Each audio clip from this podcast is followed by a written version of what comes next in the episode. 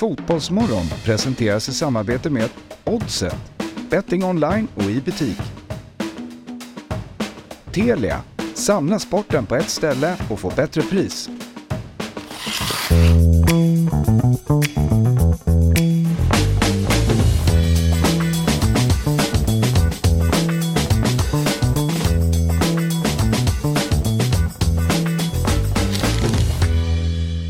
Välkomna till Fotbollsmorgon. Det är den 162 morgonen och eh, jag heter Axel Insulander. Jag sitter här tillsammans med Oliver Thomas Jernberg och Fabian Ahlstrand.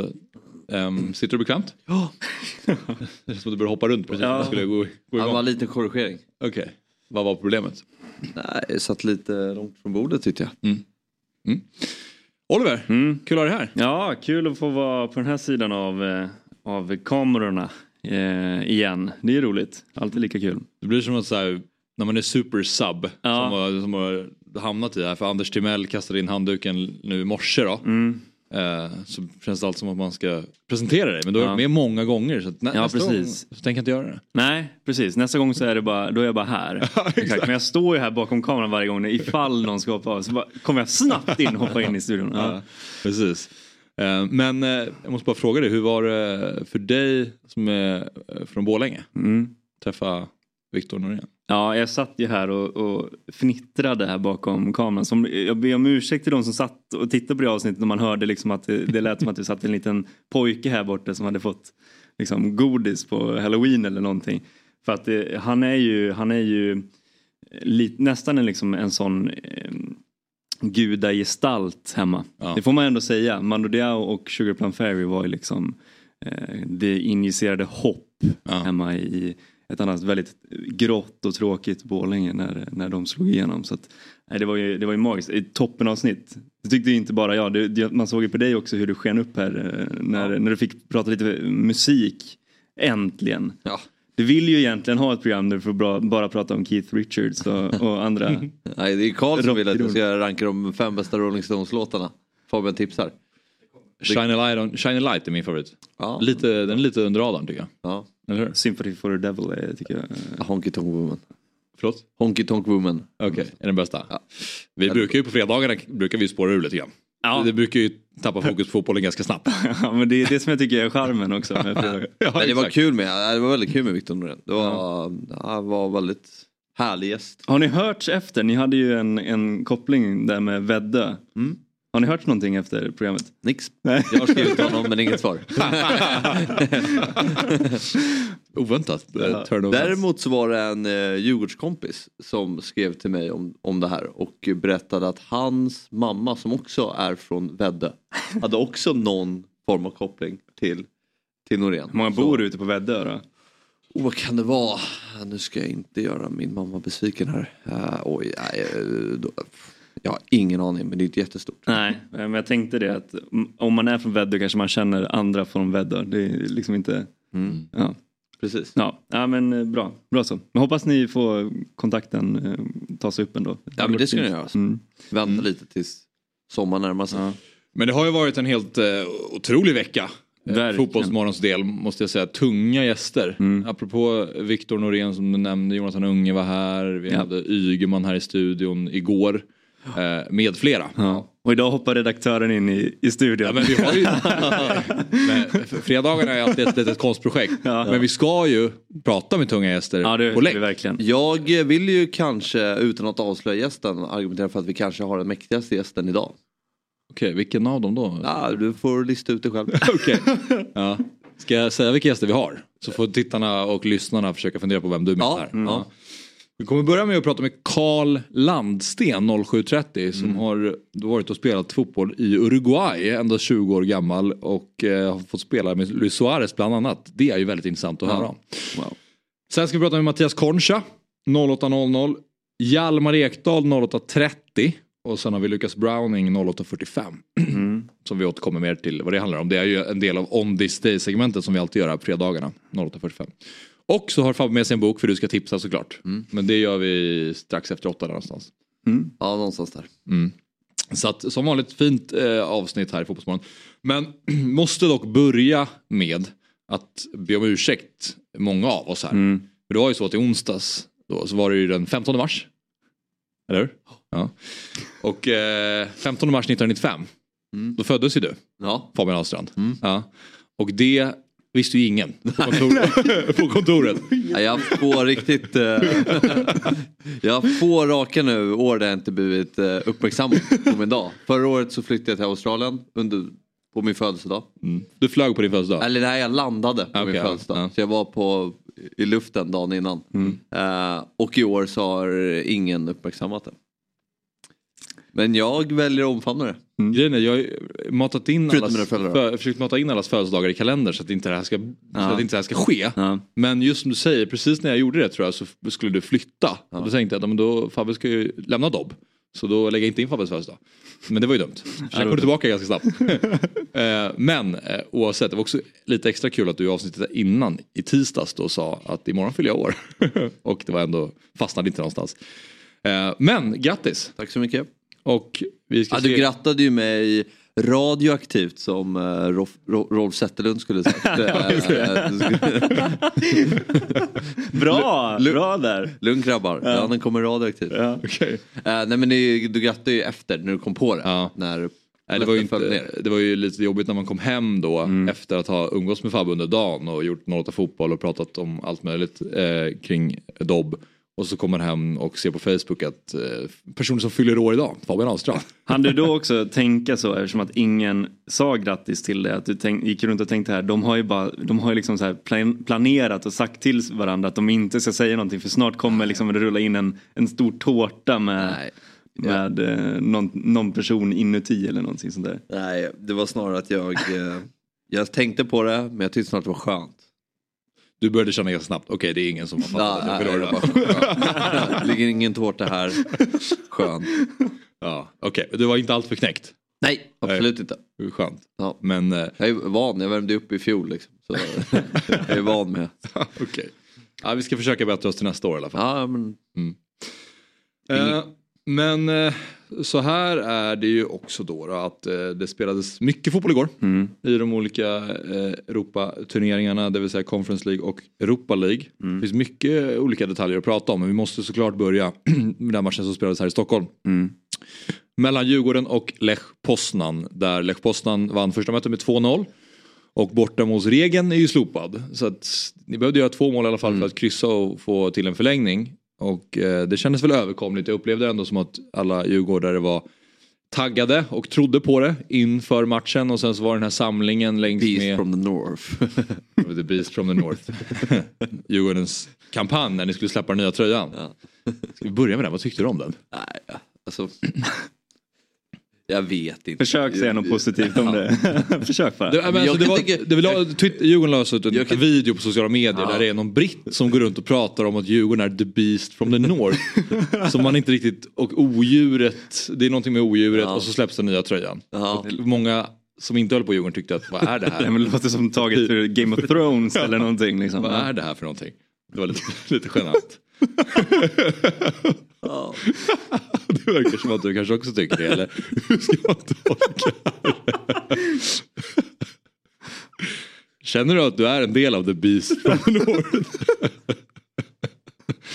Det kanske är Fabbe som de pratar om. I den, Odjuret. odjuret. Fabian Ahlstrand. Det nordiska. Vad kände du som djurgårdare? Nej, alltså jag, jag, tyckte, jag tyckte det var ganska, jag, alltså jag tyckte det var ganska kul. Mm. Tycker inte det behöver vara så himla... Han jobbar hårt för att försvara det lite Ja, ja, men låt honom. Nej, men, alltså, när jag såg det så var det så här, ja, det, är- vad det är liksom. Jag tycker det är ganska...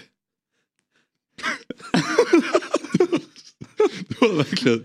Ja, Nej men det, det, det var det är. Det, men ehm, ja, nej. Det var inget odjur som släpptes ut igår. Nej. nej, det får man säga. Gråt. Okej, men vi släpper det. Men vad Ja. tycker du om den nya tröjan då? Uh, otroligt snygg. Ja, väldigt snygg. Ja, den tycker jag är nästan full pott. Mm. Faktiskt. Men eh, nej, det var mm, grymt snygg. Vad är det som du tycker är så kul med det? Kul? Ja, med kampanjen och... Nej, alltså kul. Det var mer att Ni drogs med och började skratta. Ja, okej, Ja. okej. Jag var nyfiken på varför du, varför du bröt ihop Men började om vi- prata om den nya Jag vet inte. Ja, det verkligen var lite underligt. Men om, alltså, du som djurgårdare, om du kollar på den här, eh, alltså mer eh, tunna linjer. Jag, Ja. jag föredrar ju eh, Ja, eh, jag, jag föredrar ju tröjor när om de ska Ja. väl vara randiga, att de ska vara tunna linjer. Jag tycker det är snyggt. Men vad, du som djurgårdare, ni, ni har ju testat på väldigt Ja. mycket olika. Jag vet inte riktigt. Jag tycker båda är, alltså det beror på lite hur tröjan är, alltså, vilken färgnyanser man har. Här. Men nu har vi haft lite tjockare ändå, Ja, nu har vi smalare. Så jag tycker det är, ja, det är bra med lite, lite ändring. Mm. Um, Men Såg den- ni för övrigt att, att det var väl Aftonbladets eh, den här allsvenska bibeln som kommer nu. Eh, att de avslöjade. de råkade ju avslöja jag, jag, Djurgården hörde- tror jag. ja, det, jag såg dock inte det. Jag såg inte, inte Får vi det. besök? Knackar det på dörren? Oj! Här har vi grejer! Äntligen har vi ett ordentligt firande här för Fabian Ahlstrand. Har vi, vi, har ingen, vi har ingen brandvarnare där inne jag. Låt det brinna. Finns, finns inga brandvaror för dem. Låt det brinna. Ja, låt, Ja, stort grattis Fabbe. grattis Fabian. Tack. Ska du blåsa? Oj. Nej. Vad är, det- vad är det för gång? Kämpa lite. Här har du, här har du Tycker det ser ut som en kärleksmums. Ja, vilket är det på? Vilken gåshud. Kärleksmumslängd. Det här behöver du inte göra. Det var bra. Tack så jättemycket men det var, behövde ni absolut Tack. Emrik. Ja, det är ett grattis och ett förlåt. Ja. Väldigt, eh, hade lite kämpigt att blåsa ut ljusen. Hoppas du Ja. önskar dig någonting nu. För nu är det för sent. Alltså, du, du måste, man önskar ju sig någonting när man blåser ut ljusen. ja. Ja, Jag önskar att alla människor är... Men du får inte berätta egentligen. Ja. Bra, så. Nu kan vi gå vidare. Nyfiken på vart du skulle komma. Ja. Alla människor här. Men man får- snälla mot varandra. Ja, det är fint. ja, det är bra. Det är bra. Ja, men eh, fint. Då har vi fått in någonting så att vi kan fira det ordentligt. Får du hugga in när du känner för det. Mm. Ni också. Absolut. Men eh, okej, så du är nöjd med tröjan i alla fall. Kanske mindre nöjd med spelet då? Ja, nej men det, det är ju... Man hade ju ändå höga förväntningar att det här kan bli en historisk kväll. Men så blev det ju inte. Eh, det var ju... Alltså matchen stod ju och vägde lite. Jag tycker Posten kanske är lite bättre än vad Djurgården är. Eh, innan... eh, du tycker inte det eller? Nej, jag lyssnar på det. Nej okej, okay, men du skeptisk. Ja, nej. Men det, ja, det dör ju när Danielsson tar det röda. Ja. Eh, det gör det ju.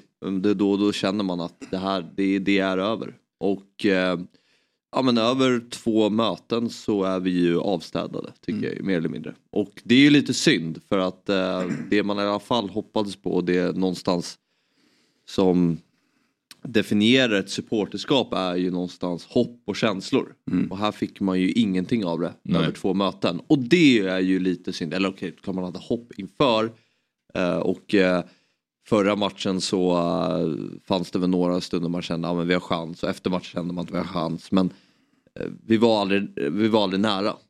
Och det är surt. Mm. Och eh, det är klart att det är lite besviket att vi inte kan göra bättre prestationer än vad vi gjorde. Mm. Eh, jag tycker nog första mötet är ganska bra defensivt men vi är inte speciellt bra i offensivt. Och i den här matchen så tycker jag väl att ja, men det finns väl några tendenser men eh, känns som att Poznan har ganska bra koll på, Mm. på händelseförloppet. Så. Jag tycker dock att innan utvisningen, i alla fall i, i inledningen av matchen så tycker jag att Djurgården Ja, är med. Riktigt starka. Ja, men det håller jag alltså, med.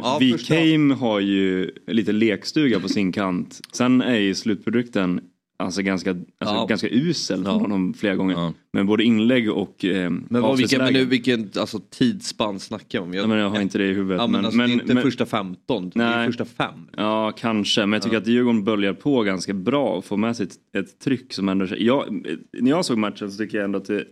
Jag sa det innan också inför när vi pratade om matchen du och jag igår att jag, jag trodde att Djurgården skulle vinna det här. Sen, sen blir ju jag är ganska övertygad om att de hade gjort det om inte de åker på den där tidiga utvisningen också. För jag tycker Djurgården var så pass eh, eh, starka och så hade den energin som det känd, Jag tyckte att det kändes i luften som att eh, det här kommer Djurgården att bara ånga på.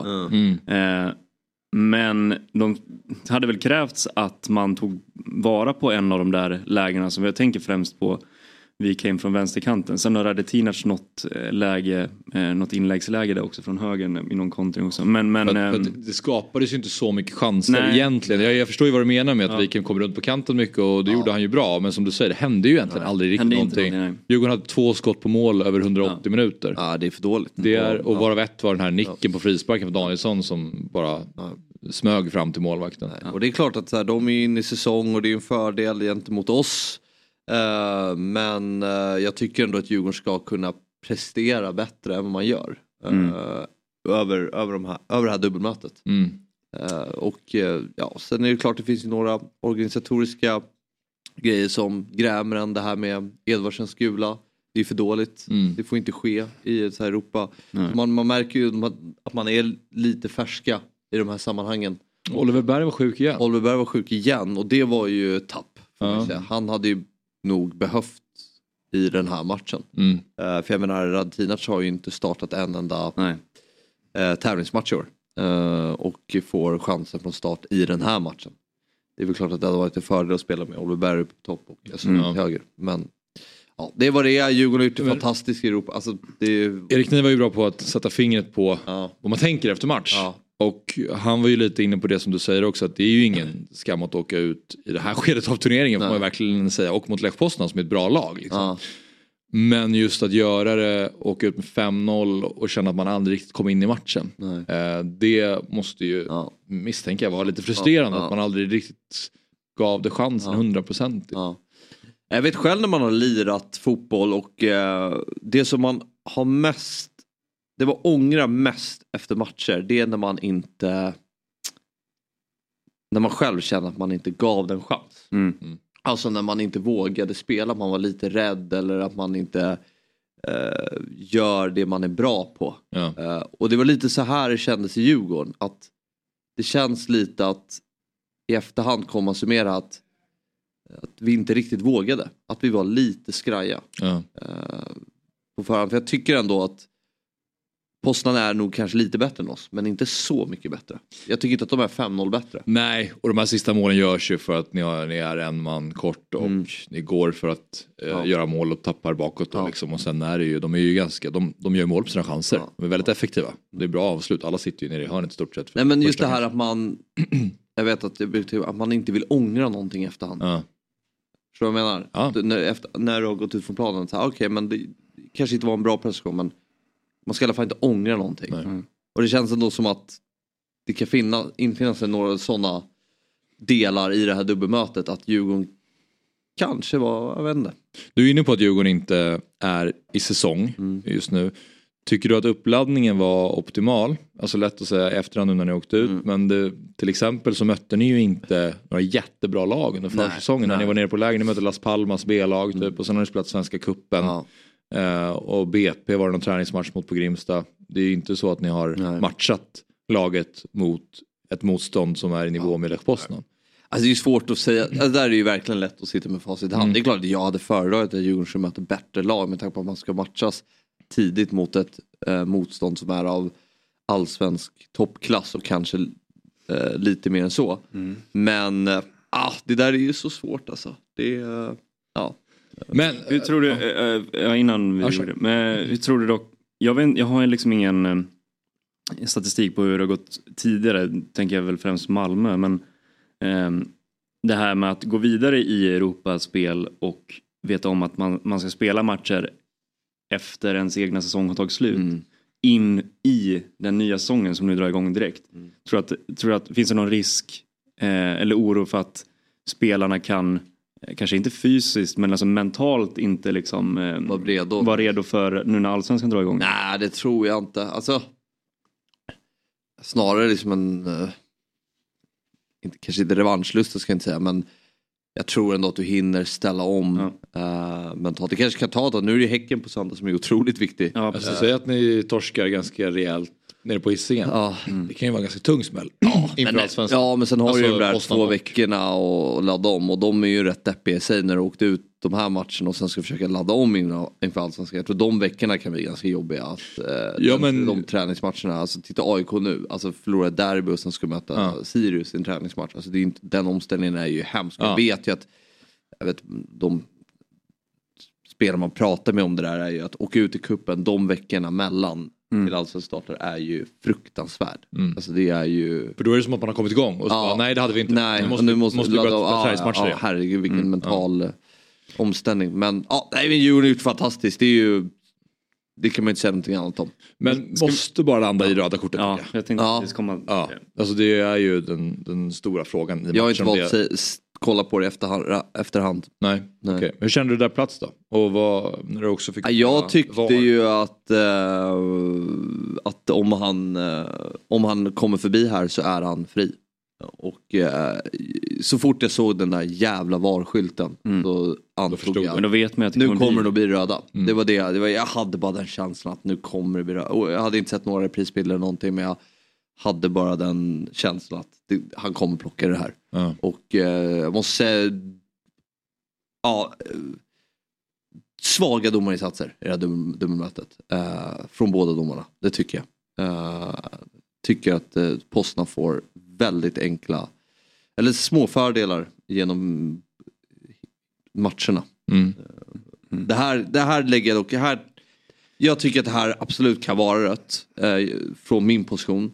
Men eh, jag förstår att många tyckte att det inte var rött. Så, Jag tycker vet- absolut inte det är rätt. Nej. Alltså, det, jag, jag, jag, tycker att, jag tycker att man ser ganska ofta Det är ju en felpassning av Mange sen, sen eh, som eh, Poznan eh, spelaren där påpassligt tar bollen från.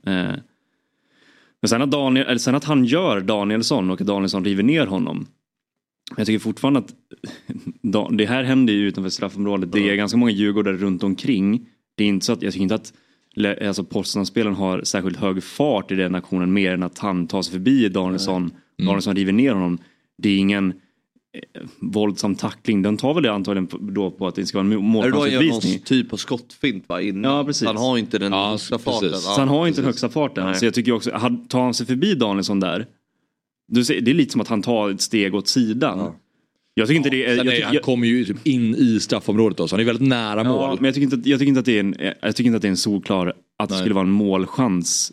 Eh, för det, det, annars om man ser en målchansutvisning så tycker jag ofta att det är att en spelare söker upp eh, en försvarare söker upp den anfallande Mm. spelaren och river ner den alltså innan den kommer fram till ett. Här tycker jag ändå att situationen är inte så pass farlig. Nej. Eh, och jag tycker även att när, när han, domaren river, eller tar upp det gula kortet först. Det är ju inte våldsamma protester från Le- eller Postnord-spelaren heller. det är ju det man reagerar lite på att alla kände väl att ja, det var en, det var ingen, det var nog ingen där ute som reagerade Nej. så här, gud vilket tydligt friläge det var. Och, och när han sedan går ut och tittar på VAR så var det ju eh, även liksom, man såg ju från kommentatorernas håll också, men på läktaren att det är ju inte jättemånga som ens förstår vad det är han ska kolla på. Är det rött kort eller är det straff eller vad, vad är det han ska titta på? Tills man ser den där lilla mm. remsan då att, eh, att det är potentiellt ett rött kort här. Eh, så att det är väldigt konstigt. Jag, jag, jag tycker liksom, man pratar om det här clear and obvious eh, situationer. Ehm, ja, ja. Är det här en sån situation som domaren ska ut och kolla på? Det tycker jag inte. Eh, det är väl även ett läge direkt efter när han kollar på en potentiell straff va? Mm. Visst är det det? Tänk om den hade, hade var direkt efter på, på samma frispark. Eh, nej, jag tycker att det är... Och sen, och sen hela diskussionen om, om underhållningsvärde. Eh, och det, det, det, jag vet inte om man behöver ta den igen för det har vi sagt så många gånger att det är, det är så otroligt tråkigt att titta på när det ska ut, spelet ska avbrytas. Nu tog det inte så lång tid men bara den här grejen att man ska bara vänta på ett svar liksom, på vad, vad som kommer hända och som du säger att så fort de går ut och tittar på den här Så li- låg den på så... motsatt, den låg inte på vid mittlinjen heller. Ja, just det. Kameran Ja. låg ju liksom borta vid. Mm. Det känns som att han hade en, en eh, kameravinkel som repriserna gick på också. Mm. Ja då har den kommit ligga Men- så här. Men jag menar så här, om det hade blivit gult kort Mm. och frispark. Eh, och så skjuter de den i, i muren och så går matchen vidare. Mm. Jag tror inte att snackisen efter o, oaktat resultat Nej. hade varit. Att det skulle vara en utvisning. hade, det här borde posten ha fått. eh, Nej. nej, nej, nej, eh, nej. Där, borde, där borde Djurgården haft rött kort. Nej, ja, Jag tror nej. ingen hade ens reflekterat över nej, situationen. nej, nej. Och det gör ju att man känner, Ja. Ja. är det rött då? Nej men det är klart det är trist. Alltså, ja, förstör ju väldigt mycket så. Ehm, ja, Men det är skönt. är det Det är, det är bra att få en erfarenhet av VAR att vi inte ska ha det där eh, påfundet i svensk fotboll. Mm. Nej men allt landar ju fortfarande i bedömningssituationer så är det ju trots att man har VAR. Ja. Men eh, vidare i, i Europa League då. Mm. Då hade vi både Manchester United och Arsenal igång till exempel. United vidare eh, mot Betis efter att Rashford gjorde mål igen. Mm. Och sen så har vi ett Arsenal som inte gick vidare. De rök mot Sporting Lissabon. Perfekt. Det blev ju 2-2 i Portugal, 1-1 på Emirates igår. Landade i straffläggning till slut och det var en spelare som missade och det var Gabriel Martinelli, brassen. Och det innebär att eh, Arsenal inte längre kommer spela någon eh, Europa League. Det är perfekt för dem. Va, vad gör det här med Arsenals status? För de har ju snackats om som ett av världens bästa lag nu med den säsongen de gör i Premier League. Mm. Samtidigt som de uppenbarligen inte kan hantera då att spela i två turneringar, sam- så två tävlingar samtidigt. Varav en inte ens är Champions League utan det är Europa League. Ja. Vad säger du Fabbe? Det där är svårt. Eh, jag, jag tror ju verkligen att fokus ligger på att de ska ta hem den här Mm. Premier League-titeln. Eh, Såg vil- man ju lite på laguttagningen. Ja, det var ja, precis. Och eh, vilket jag tror ju att de kommer fixa. Eh, jag tycker att de är ligans bästa lag.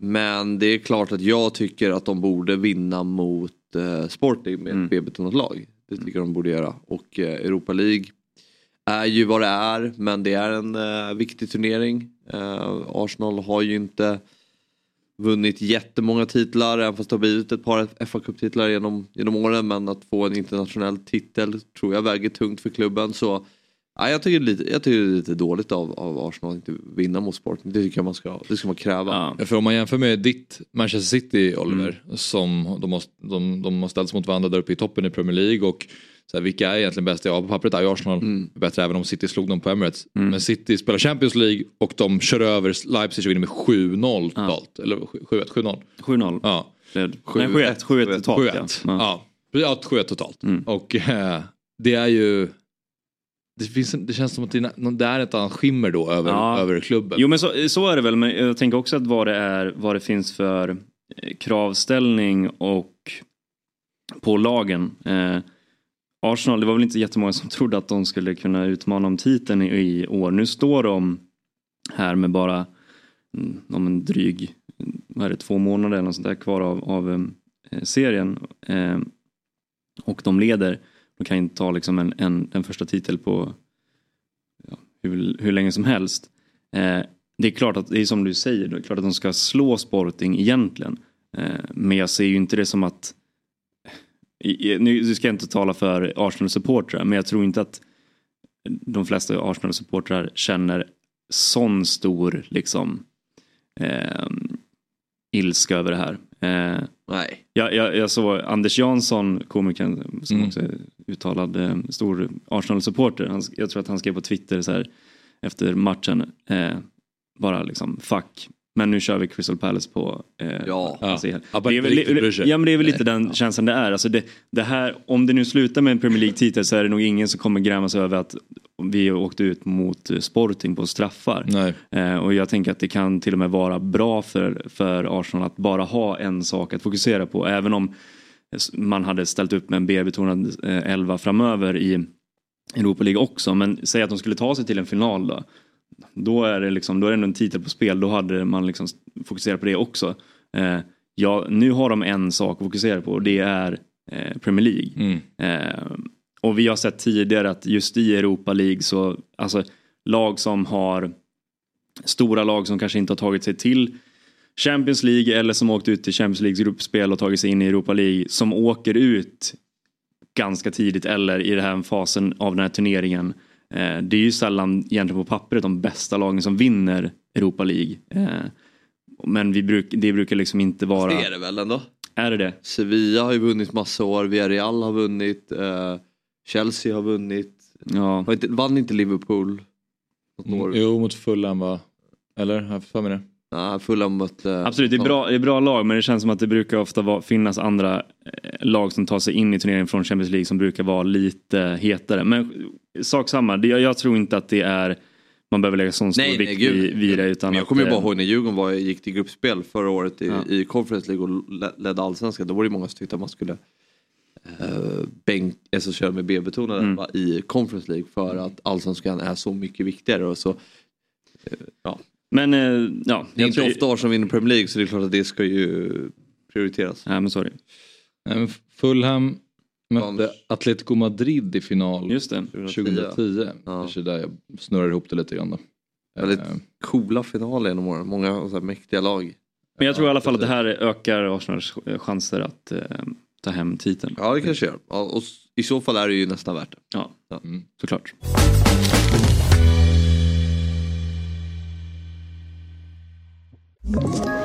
Ett poddtips från Podplay.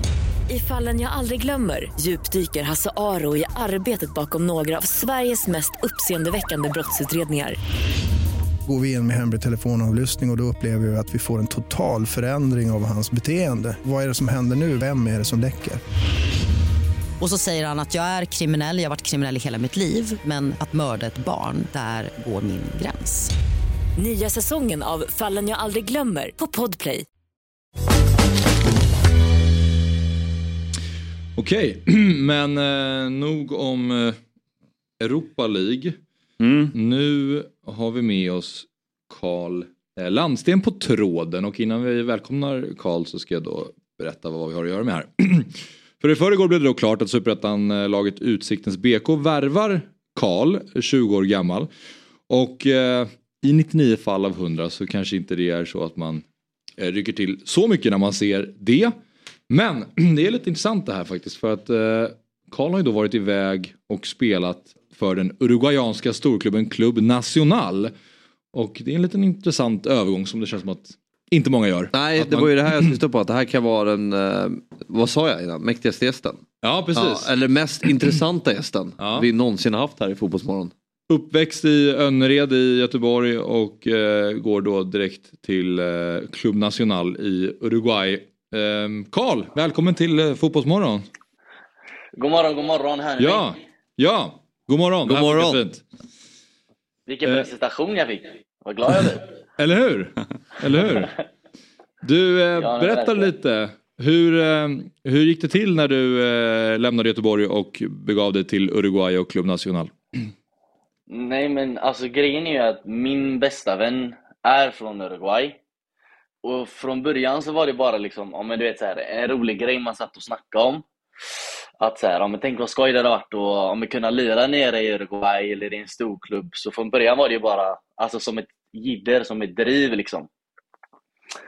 Uh, och sen så, jag hade precis kommit tillbaka från en lång knäskada och så hade jag spelat i ungefär en och en halv, två månader. Och så hade min vän redan åkt ner till Uruguay. Och så hade han börjat prata om en typ med sin farbror och så vidare som hade kontakter inom fotbollen. Och så frågade han mig så här, men vill du inte bara komma ner och köra liksom och träna med, alltså med National? Och så jag tänkte bara, ja men alltså, det är klart jag vill åka ner och träna.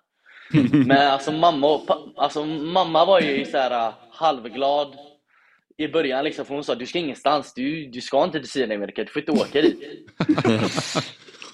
och så fick man ju så här förklara om men du vet, här, klubben, och så, du vet, historia, spelare som har spelat där innan och så vidare. Och så skulle jag bara åka ner och provträna i två veckor, för till slut så fick jag ett ja liksom. Och så åkte jag ner, men så kom jag aldrig tillbaka. Så jag stannade där i, vad blev det? Det brukar vara så när man 16 drar till. Sydamerika. Ja. Nej, jag var där i 16 månader. Otroligt. Ja. Men Suarez kom efter Ja. dig va?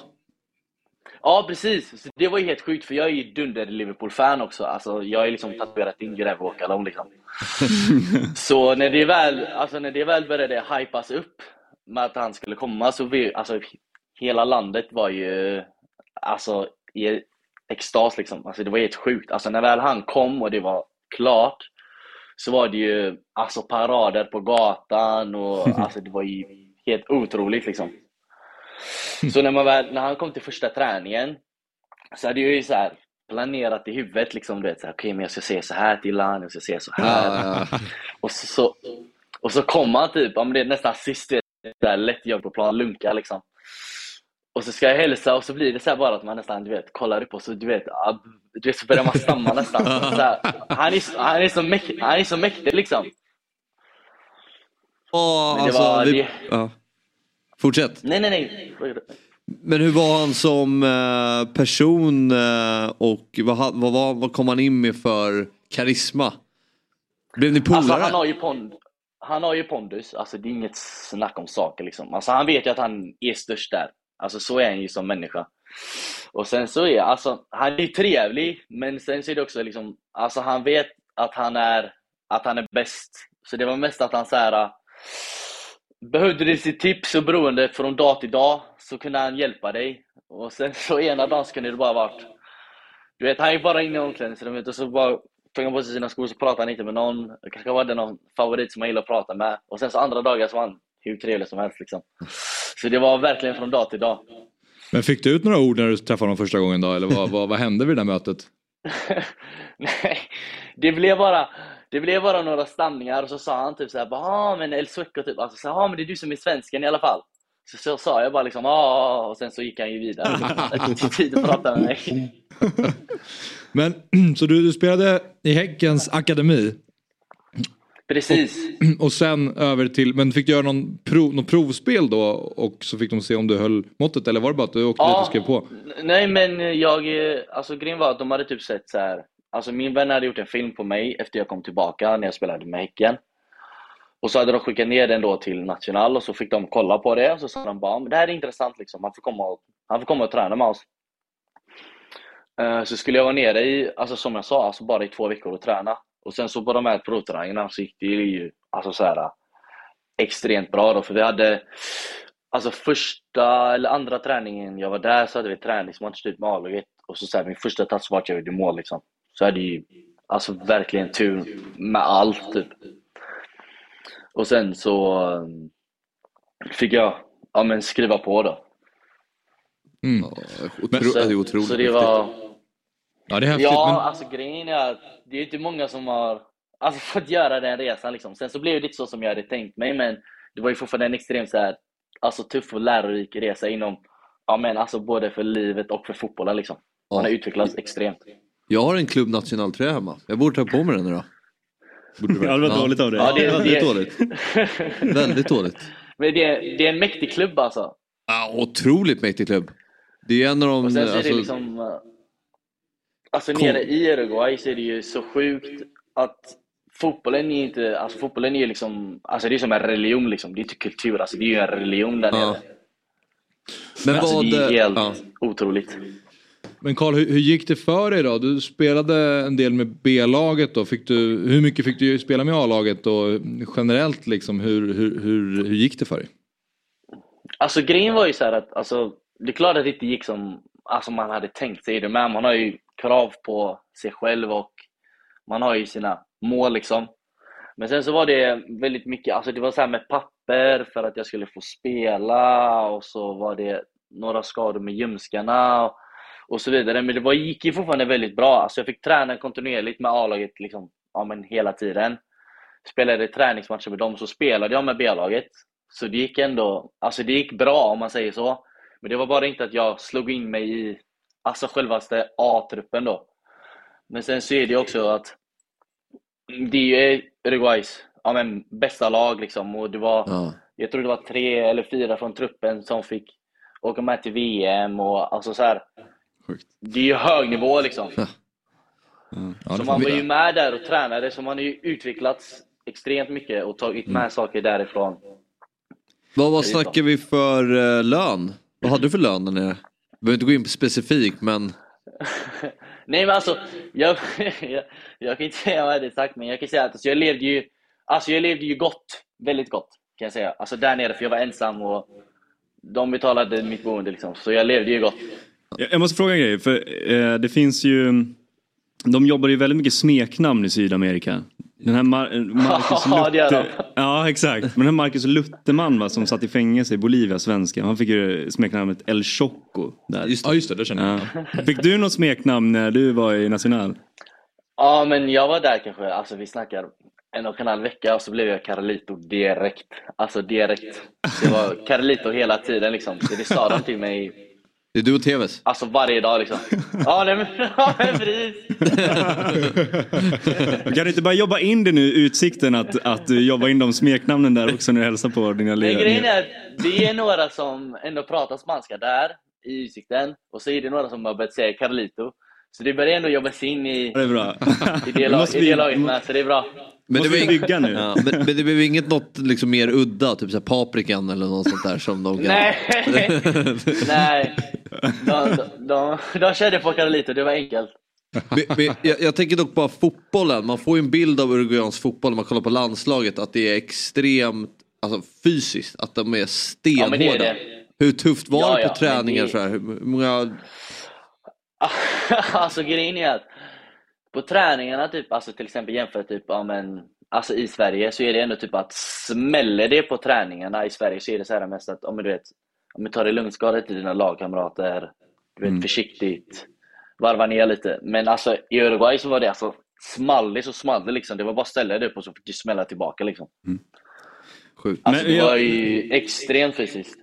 Jag såg också att alltså, så här, du har spelat med Luis Suarez, vilket är hur stort som helst, men det tar ju inte slut där. Du tränades ju också av Alvaro Recoba, alltså gamla Interspelaren. Alltså, det, Precis. hur, hur var det? Hur var det och vad lärde du från honom? Men, men han kan ju fotboll så extremt mycket. Och sen så var ju han också lite där för att, ja, men du vet, han har väl inte så mycket att göra liksom, så han känner väl att han vill, han vill vara i klubben lite och hjälpa till. För hans son var ju lika gammal som mig. Så jag blev ju jättenära vän med Rekobas son också. Så jag körde ju mycket extra med, med Alvaro då. Men hans vänsterfot är något utav det alltså, Ja. bästa jag sett. Det är helt otroligt alltså. Fick ni, fick ni köra så frisparksövningar med när han bara Ja fick men bara visa? precis. Exakt. Och det Han värsta var att han gång, satte den varje gång. Ja, ja. Han gick bara fram och sa men nu ska jag visa du vet. Och så garvade han lite och så joggade han och så körde han lite i krysset liksom. Men rent fotbollsmässigt då, kunde du lära dig någonting av Luis Suarez? Ja, alltså grejen var att det som är så sjukt med honom är att han är en otrolig alltså, avslutare. Alltså, det spelar ingen roll, alltså, på en match så kan han ju ha typ 10-15 boltar nästan, men varje gång bollen kommer in i straffområdet så är han ju nästan där liksom, och han gör ju alltid mål. Så han gav ju en tips på så här, alltså, avslut hela tiden och så sa han så här, ja, men gör det här, nöta det där, spring så liksom. Och så har man ju försökt ta efter det liksom och lära sig. Och du lärde honom att målvakten får ta bollen med händerna. Det finns ju situationer där han, han får ett skott. Ja, det finns ett, ett klassiskt klipp eh, när eh, Luis Suarez eh, Vinkar på hands. må- målvakten plockar ner bollen med händerna och han står och vinkar på till hand. Och han vill ha straff. Det var ditt bidrag. Ja. Luis, man får, han får göra sådär. Men har, var du på det där, de har väl något um, um, grymt häftigt eh, museum på nationalarenan. Var du på det någonting? Ja, precis med alla, vad heter det, med eh, troféerna de har vunnit genom eh, alla årtionden så att säga. Men där har jag varit. Det är Första VM. mäktigt för de har ju, precis. Exakt. Spelar inte det, va? Det är jättemäktigt. På eh, den eh, Stora. Vad heter det? Stadio Centenario så. här. Nej. Centenario, precis. Nej, Ja. vi körde bara på Parque Central. Mm. För Centenario Ja, är bara för om ett landslag eller vissa tillfällen då, klubb, klubbmatcher typ, om det kanske är derby eller vad det nu än är. Vi måste även ta upp det här med Alltså jag, jag, jag, var, jag gjorde lite research Ja, du på... får berätta om ditt gräv här. Ja, jag tror jag vet gräv och gräv. Men, men jag läste mig runt lite om National. Eh, anrik klubb. Men jag fastnade för en grej. Eh, att klubben har ett rekord i Guinness World Record-boken. Eh, för att ha, alltså supporterna har byggt, eller gjort den största flaggan i hela världen. Jag, du skrev, jag skrev ner det i OH-flaggan? Mm. Ja, precis. En OH-flagga. Det var en, under en Copa Libertadores match mot mexikanska laget Deportivo Toluca. Ja. 2013. Mm. 600 meter bred, 50 meter hög. Flaggan väger 5 ton. Ja. Det, Det- låter helt bisarrt. Ja. 400 personer krävdes för att transportera flaggan. Ja, men alltså det är så roligt, det ser ut så här nästan varje match. Alltså deras fans är, alltså deras fans är de alltså, bästa i världen. Alltså så här, det är helt otroligt. Ja. Men sen så är det en sån grej att du vet, i Uruguay så finns det typ att om du frågar någon typ i Sverige så här, typ, ja, men vad håller du på för lag eller så kan man säga typ, ja men jag är fan av eh, Blåvitt eller jag är fan av AIK typ och så vidare. Men i Uruguay så är det så här att Incha är typ om supporter, så då kunde du säga så här, frågar du någon så sa den typ så här Ja men eh, soy Incha de Nacional typ, jag är fan. Och sen så fanns det de som sa soy fanatico. Så det blir liksom en ännu högre nivå av ett fan liksom, för då Aha, betyder okej. klubben liksom allt för dig.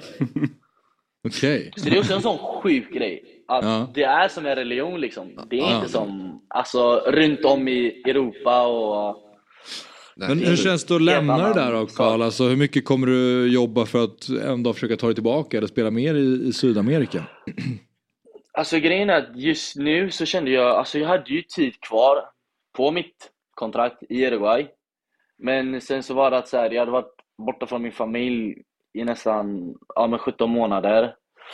Och eh, sen så hade jag lite så här personliga anledningar att jag ville ja, men ändå vända hem igen för min morfar började bli lite, ja, men lite sämre och jag vill vara nära honom. Och sen så kände jag så här att jag har lärt mig otroligt mycket liksom. Alltså jag åkte som en 19-årig pojke och jag kom tillbaka som en 20-årig ja, men Mm. man kan man säga ändå. För jag lärde mig hur man bor själv och lever liksom. Ehm, men alltså så här, jag känner inte heller att mitt kapitel är liksom, alltså det är inte avslutat på det sättet. Alltså jag menar, jag är bara 20 bast. Jag är ju alltid i världen liksom. Men- Så nu är det väl bara att göra det så bra som möjligt. Ja precis, berätta lite om tankarna nu då med, med utsikten i Superettan. Nu känns det att vara hemma i Sverige. Det är inte riktigt samma OH-flaggor på Utsiktens läktare. Bara. Nej, det är det inte. Men alltså grejen är att Utsikten ligger ju, vad är det, fyra minuter ifrån alltså där jag bor liksom. Så det är alltså, det är jättenära hemma. Det känns bra. Det känns skönt att kunna få, ja men bara vara hemma och komma in i, alltså sig själv liksom. Alltså få en rutin, spela fotboll, försöka göra det man är bra på och bara utvecklas, utvecklas. Och det känns som att kiken eller utsikten då är en, alltså en, det är liksom en bra språngbräda. Så nu skrev jag ett tvåårskontrakt, så jag, ingen stress och alltså försöka springa iväg liksom, utan bara ta det lugnt, göra sitt jobb och så ta det därifrån liksom, så får man se. Oftast så är det ju så att du förtjänar vad du väl får i slutändan liksom. Mm. Ja. Fan vad roligt det var att prata med dig Karl. Ja, verkligen. Ja, det var, man har ju... Jävla härlig Ja, nej men du. detsamma, tack för att jag fick vara med! Ja. Och jättespännande att höra om ditt äventyr i National och eh, lycka till nu då i Utsikten så hoppas Ja. jag att det går bra för dig. Jag bara frågar, hur, hur, Ja, bra är, hur bra är du på spanska? Kan du flytande nu? Jag, jag är faktiskt, alltså min grammatik är dålig men jag kan ju prata flytande. Och eh, fråga nummer två, tog du båten över till Buenos Aires någon gång? Det är ju väldigt Nej, nära. jag gjorde inte det. Nej. Jag gjorde inte det. Men jag, jag, var, jag var i, nästan vid kanten uppe vid Brasilien, nu gjorde massa andra saker. Så. Ja. Jag levde i alla fall. Ja, du levde. Underbart. Ja, men stort tack Karl. Och kör hårt. Ja, men tack så mycket, ni får det så gott. Detsamma, tja! Hej hej. Vilken jävla energi. Ja, men det, ja, ja, men vilken resa. Ja. Alltså, det är Så helt... kul med så många olika människor man får prata med i Fotbollsmorgon. Verkligen. Eh, som, har, som man inte vet om. Där är, där är Karl och kör lite med Luis Suarez. Ja, det är helt... Nej, men det är någonstans, oavsett hur det går så kan han ju alltid säga "Ja, jag spelade för Club Nacional. Ja. Det är helt, alltså, det är, Mm. är bisarrt. Och häftigt för hans egen del som håller på Liverpool. Eh, Ja, så wow. mycket och har en You'll Never Walk Alone tatuering och så kommer Luis Suarez till, eh, Det är helt till sjukt. den ju. klubben. Han, Men det är ju verkligen en av Sydamerikas största klubbar. Mm. Sånt, det är, ja. Nej, det, det, det, det har man ju inte jättebra koll på som svensk. Nej. Alltså Club Nacional generellt, men just liksom, maktbalansen i Ja. Sydamerika. Nu är det inte på samma, samma liksom dignitet men fick du spela med någon sån gammal australiensisk eh, legendar nere i Melbourne? Nej, det är inte på den här, inte på Suarez nivå. Nej. Det är väl, nej alltså, nej. Jag kanske mötte någon men... Mm. Ja, det hade varit på. eh, läckert om Karl började spotta in mål i Superettan. Ja verkligen, han är anfallare så Ja, vi får väl, eh, får väl följa honom eh, med eh, noga den här eh, säsongen. Lite fotbollsmålfavorit redan skulle jag säga. Ja, vi får väl, vi, han kanske kan bli någon slags eh, Göteborgs eh, reporter för vår del. Vi, vi får väl se. Nej. Precis. sk- Vi försöker ju Skön... täcka samtliga divisioner Ja, eh, i Sverige. Just Mycket det. tack vare dig Oliver som börjar långt ner. Ja just det. Ja. Eh, Han får vara vår superettan-korre. Mm. Men eh, nu ska vi prata lite spel och innan vi gör det så tänkte jag bara presentera oss ytterligare en gång här i studion. Vilka som sitter här. Jag heter Axel Inslander och så har vi Oliver Thomas Jernberg i studion och Fabian Ahlstrand som sitter med sin kärleksmumslängd framför sig eftersom du fyllde år i onsdags då du inte blev firad. Ja. När som helst under programmet så kommer man hugga in på det. Men det har inte hänt än. Men vi sitter här med spänning. När kommer det hända? ja, jag gillar inte... Ja. Du gillar inte kärleksmums? Jo, jo, jo, det gör jag. Ja, absolut. Jag tänker, Du gillar inte att äta i tv? ja, nej, jag gillar inte att äta faktiskt så mycket framför Nej. människor. Och nu är det ju bara vi tre, men alltså, jag menar, nu ser folk. Ja. Det är ganska många som upplever det så har jag märkt ju äldre man blir. Att det är många som inte gillar bara så att äta, äta, man gör, gör, det gärna privat. Ja. Privat grej. Ja. En ensak. Ja. Ja, ja, jag respekterar det. Vidare. Ja, vi går vidare. Slut på telegram. Precis, där var det telegrammet klart. Eh, till eh, en liten trippel som jag har plockat fram. Du är så duktig. Visst är det? Ja, du är Det väldigt beror på om hon sitter och inte det. Ja, inte ja. då. Men eh, jag hoppas att ni gör det. och jag valde en lördagstrippel. Sen insåg jag att på söndag så har vi att göra med El Clasico. Det är Romderby, det är Derby d'Italia. Hade kunnat välja lite en söndagstrippel också men det blev en lördags... Häcken-Djurgården, eh, precis. Det blev en lördagstrippel istället. Och då har vi till exempel Mjällby-Bayern. Kan börja med den matchen där i mitten. Mm. Och då tänker jag så här. Bayern, man ser de kör över Sundsvall, vinner, eh, vinner med 8-0. Mm. Men, nu ska de åka ner till Strandvallen. Mm. Men är det på Strandvallen? Ja, vad jag förstår så är det på det- det är Strandvallen. jag, jag, jag, jag googlade lite på det igår Ja. för det är en viktig detalj här. Ja, det är verkligen. Ja. Och vad jag förstår så ska matchen spelas på Strandvallen. Ja. Och då tänker jag att den här planen kan inte vara helt klar än. Nej. Och Bayern Det blåser ju alltid där också. Det är en detalj med Strandvallen. Det finns ju inget ställe i Sverige som det blåser så mycket på som just Strandvallen. Precis. Det kanske inte gynnar Hammarby. Det är ju där och eh, Varberg Energi Arena är väl, är det så? Ja. Ja, något sånt. Eh, något sånt. Något Eh, sånt. Osbergsvallen. Ja, Ja. det är väl det gamla ja, namnet. Ja, Varberg Arena. Där brukar det blåsa också. Ja. Men eh, ja, så att därför har jag spelat under 2,5 mål. Mm. Till 1,82 gånger pengarna. Dumt. Jag tycker att den är lite så här, för man tänker att Bayern kommer blåsa på Mm. och gå framåt och göra mycket mål. Men Mjällby, om de har tagit, ett, tagit sig hela vägen till semifinal så är det uppenbarligen inte ett så dåligt fotbollslag. Nej. och jag tror att de kommer kunna stångas rätt bra mot Bayern. Ja. Mm. Och förmodligen så kommer de dessutom ligga ganska lågt och veta att Hammarby kommer vilja ha mycket boll. Men de är ganska aggressiva också. Det blev de i alla fall. Jag kommer ihåg när Anders Torstensson kom tillbaka till Mjällby och räddade kvar dem i Allsvenskan 2021. Mm. Jag kommer ihåg att de var, blev väldigt mycket mer aggressiva under honom. Och det tycker jag man har kunnat se lite under Svenska cupen också. Ja. På en ganska dålig naturgräsplan så kommer de kunna komma in i press och kommer de kunna smälla Mm. Bayern och störa dem. Så jag tror, ja, Ja, det är spännande med Mjällby. dumt, intressant. De har ju de har också, de har också en, favorit, en personlig favorit till mig. Eh, har ju gått till Mjällby, Alexander Johansson som Ja. har varit Ja. extremt bra hittills. Han har väl gjort mål i varenda match i princip som de har spelat i, i kuppen Som var i Varberg tidigare. Han var ju med här i höstas. Också apropå personer med bra energi.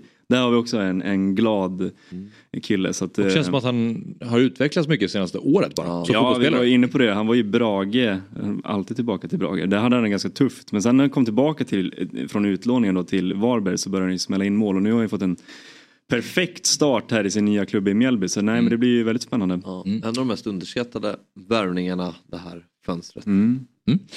Sen eh, längst till vänster på dagens speltips som vi presenterar i samarbete med Oddset då. Så är det alltså Chelsea-Everton. Över 2,5 mål. 2,04 gånger pengarna. Och Chelsea de senaste matcherna och generellt under Graham Potter, det har inte sprudlat. Nej. har inte gjort jättemycket mål. Men min feeling är nu. Att Det de lossnar är, nu. Ja, men, ja, men de är, nu, är, nu händer det någonting. Mm. Nu är de på gång. De är vidare i Champions League. Mm. De slog ut Dortmund över två matcher. De eh, mötte Leicester här senast på bortaplan. Mm. Vann med 3-1. Så att de gjorde tre mål och eh, släppte in ett men det behöver ju bara bli över 2,5 mål i matchen. Mm. Så jag tror att de eh, och Everton är ett, är ett begränsat fotbollslag. Mm. Så jag tror att det här kommer lite så här motsatt Mjällby-Hammarby. Att man kanske tror att det kommer bli en låst match. Men Mm. jag tror att det kan bli en öppnare match. Än vad det ser ut som på pappret. Mm. Och därför tycker jag att den var lite rolig att ha med. Mm. Ja, nu tror jag verkligen att de kan. Jag tror att de kan avsluta den här säsongen ganska starkt ligan. Mm. Nu lär ju Potter få säsongen ut. Det måste han Ja, få. för det finns ju inget annat så här. Ligan, de har ingen chans. De har Europaplatser att kämpa för. Mm. Uh, Champions League får se hur långt de tar sig. Jag tror de åker ur nästa runda. De Men, så här, det var en, Men det är så här, vad... vad finns det för uppsida och, och Vad, nej, vad, vad skulle en ny tränare komma Ja, in och göra? ja, det är inte så nej. någonting som behöver räddas. Nej. Alltså, Det är inte så att de har risk att sluta så jävla långt ner så att det blir kris egentligen. Det är väl Eh, Ass? Vad sa du? Det är väl någon Ass? Ja, är det han möjligt. fortfarande? Eidevall eller? Nej, Björn Hamberg. Hamberg. Björn Hamberg. Så Ja, Eidevall är han är kvar där va? Edvall precis spelat Ja, med just det. tränare Arsenals Arsenal- Arsenal- damer. Ja, just det. Hamberg. Mm. Är det han eller? Han är kvar, han är Ja, kvar. Det- Hans tar över då? Ja, det har det varit. Wow. Nej men som du säger eh, Fabio, jag tror att Potter behåller sitt jobb säsongen ut. Och jag tror att de börjar få igång det nu. Alltså, det är inte märkligt heller när det är så otroligt mycket nya spelare att de behöver lite tid för att lära känna varandra. Till och med Mudrik gjorde ju en assist här senast. Mm, ja, precis. Ja, men då tal, allt talar ju för att det blir mål här då. Ja, det är så jag tänker i alla fall. Sista matchen Aston Villa mot Bournemouth. Eh, där tänker jag bara att Aston Villa vinner den matchen, 1,71. Det innebär att den här trippeln landar på 6,34 gånger pengarna. Och eh, angående Aston Villa så det är ett jäkla lag som är upp och ner och Bournemouth går och slår eh, Liverpool. Eh, som också är ett lag som är upp och ner. Men Villa, bara min känsla att de på hemmaplan så är de starkare. Ollie Watkins är igång. Så eh, den är mer magkänsla än eh, särskilt mycket logiska argument. Ja. Så där har ni den. Aha. Trippen. Det är en liten, eh, räcker inte till en fredagsburgare men kanske en fred, fredagspommes. Ja, exakt. Eller om man kan be om en halv burgare. ja, ja just det, det kan man ju göra också. Jag är inte så hungrig idag så jag skulle vilja att ni bara slicear upp den. Precis. Vi ja. kan dela på varsin. Ja. Ja men bra, den här är rolig. Ja, jättebra. Den här är rolig. Ja, det här känns mer som att den passar dig än om jag hade tagit fram en söndagstrippel och att det hade varit ett klassiker de stora matcherna. Du gillar mer mjällby Bayern till exempel. En Fabbe-trippel Men El Clasico kommer ju är din nära. Titta på. Jo, jo, jag menar mera att det är de stora Ah, main, ah. main, mainstream-matcherna Ja, ja. som du inte tittar på generellt. Men om man vill rygga det här spelet då eh, så kan man gå in på dob.one slash oddset eh, eller använda sig av eh, QR-koden som ni ser i bild.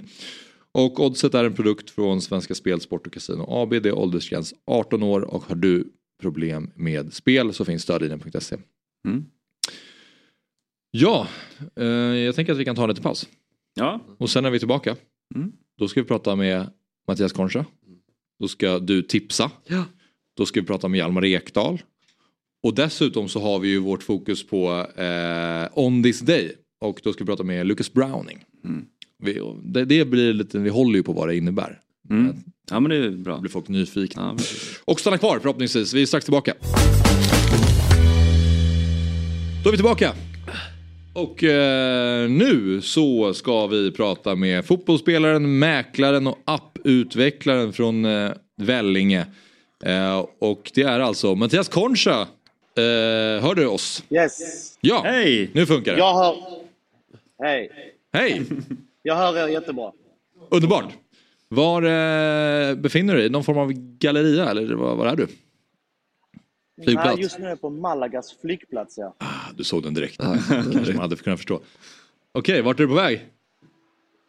Jag är på väg till Stockholm faktiskt. Eh, Landade igår kväll från Manchester och det är snabba bud. By, eh, bara byta om och packa om och sen ut igen. Ah, Okej. Eh, vad för dig till Stockholm då? Eh, Jag har ju lite fotbollsjobb i helgen. Då pratar vi kommentering eller? Ja, lite studio och kommentering i Simor. Eh, bland annat en ganska trevlig match på söndag. Barcelona-Real Madrid. Ja, får man säga. Ja, vi kan börja med det. Hur, hur, vad tycker du om att jobba i, i rutan och eh, prata om fotboll? Eh, nej, men det, är ju, det är ju faktiskt kul. Det är ju ett härligt sätt att, att eh, ha kvar fotbollen. Det är intressant och nya vinklar på allting. Så att, eh, jag, jag är i en trygg zon när jag pratar fotboll. Ja. Slut, Hur slutar är det klassiker på söndag då? Oj, svårt att säga. Barcelona vann ju sist eh, i den här kuppen så att, eh, jag vet inte, alltså, Real Madrid är ju jävligt tuffa, men Barcelona har en jävligt bra defensiv. Så att, vi får se, det är lite dagsform, men eh, jag tror någonstans att eh, Madrid kommer vara så pass taggade, för de behöver ju poängen mer än vad Barcelona gör. Så eh, någonstans tror jag de kommer att vinna matchen. Vad tycker du är svårast med att jobba som expertkommentator Mattias? Så som, som fotbollssupporter sitter man ju ofta hemma och, och recenserar de som hörs för man tänker ju på ett sätt och så vill man att den som pratar i rutan också ska alltså, förklara för dem vad som har hänt men också kanske att man ska vara synkad med den personen. Vad, vad tänker du? Alltså det är ju, det är ju ett hantverk att vara kommen, kommentator, det är det ju verkligen. Alltså, det är ju, det är ju det är en konst egentligen. Du ska inte prata för mycket. Du ska inte prata för lite. Du får inte linda in dig i för långa utläggningar för då blir det en kontring åt andra hållet där du måste vara med. Och sen såklart vid målsituationerna, då måste ju du ju som expert snabbt uppfatta vad som har hänt i realtid. För att sen hitta i reprisen vad som har hänt och eh, berätta eh, hur det har hänt, varför det hände, vad kunde skett för att det inte skulle hända. Mm. Eller ja, hitta någonting som ni där hemma i soffan kanske inte tänkte på. Så det är väl det det handlar om. Det, det är faktiskt inte så lätt. Det, det handlar om timing och ja, och, och, och, och hitta grejer hela tiden som, som, eh, som ni där hemma eh, ska ha lite glädje av. Det låter som man måste bli rätt tömd efter en match. Jag tänker, du måste, som du berättade, att man måste vara påkopplad hela tiden och se detaljerna under realtid. Ja men så är det. Eh, speciellt i början. Nu har jag ju kommenterat ett tag. Jag har ju en, några hundra matcher liksom, så att jag har ju ändå funnit en rutin. Men i början, då ville du verkligen inte missa någonting. Och då var man ju helt tömd, som du säger, efter... Ja, det tog väl kanske en 10-15 matcher innan jag började njuta av det. Innan Ja. jag verkligen tyckte det skulle vara roligt att, att, att kommentera. Utan i början var det bara... Då skulle man ta sig igenom det och det var helt slut efter en match. Alltså. Jag tänker det måste vara svårt också om det är en jättetråkig 0-0 match med typ två statiska Cadiz 4-4-2 Eibar. lag. Ja precis och så är det så här man ska försöka hitta någon analys i vad som händer men, men matchen är egentligen helt stillastående. Vad, vad säger du? Ja, men det, det händer ju väldigt ofta. Alltså du, du kan ju hitta riktigt tråkiga 0-0 matcher eller typ 1-0 matcher där det är mål i 87 där det inte hänt så mycket under hela matchen. Men då måste du liksom hitta en energinivå tillsammans med din kommentator som passar matchen. Eh, Du måste ju följa matchens tempo, du måste följa rytmen. Utan du kan inte sitta och skrika och, och, och, och, försöka få upp någonting helt galet när matchen visar någonting annat. Utan det är därför du också liksom har ett samspel med både matchens tempo och kommentatorn bredvid dig. Att hit- hitta någonstans en symbios med matchen passar.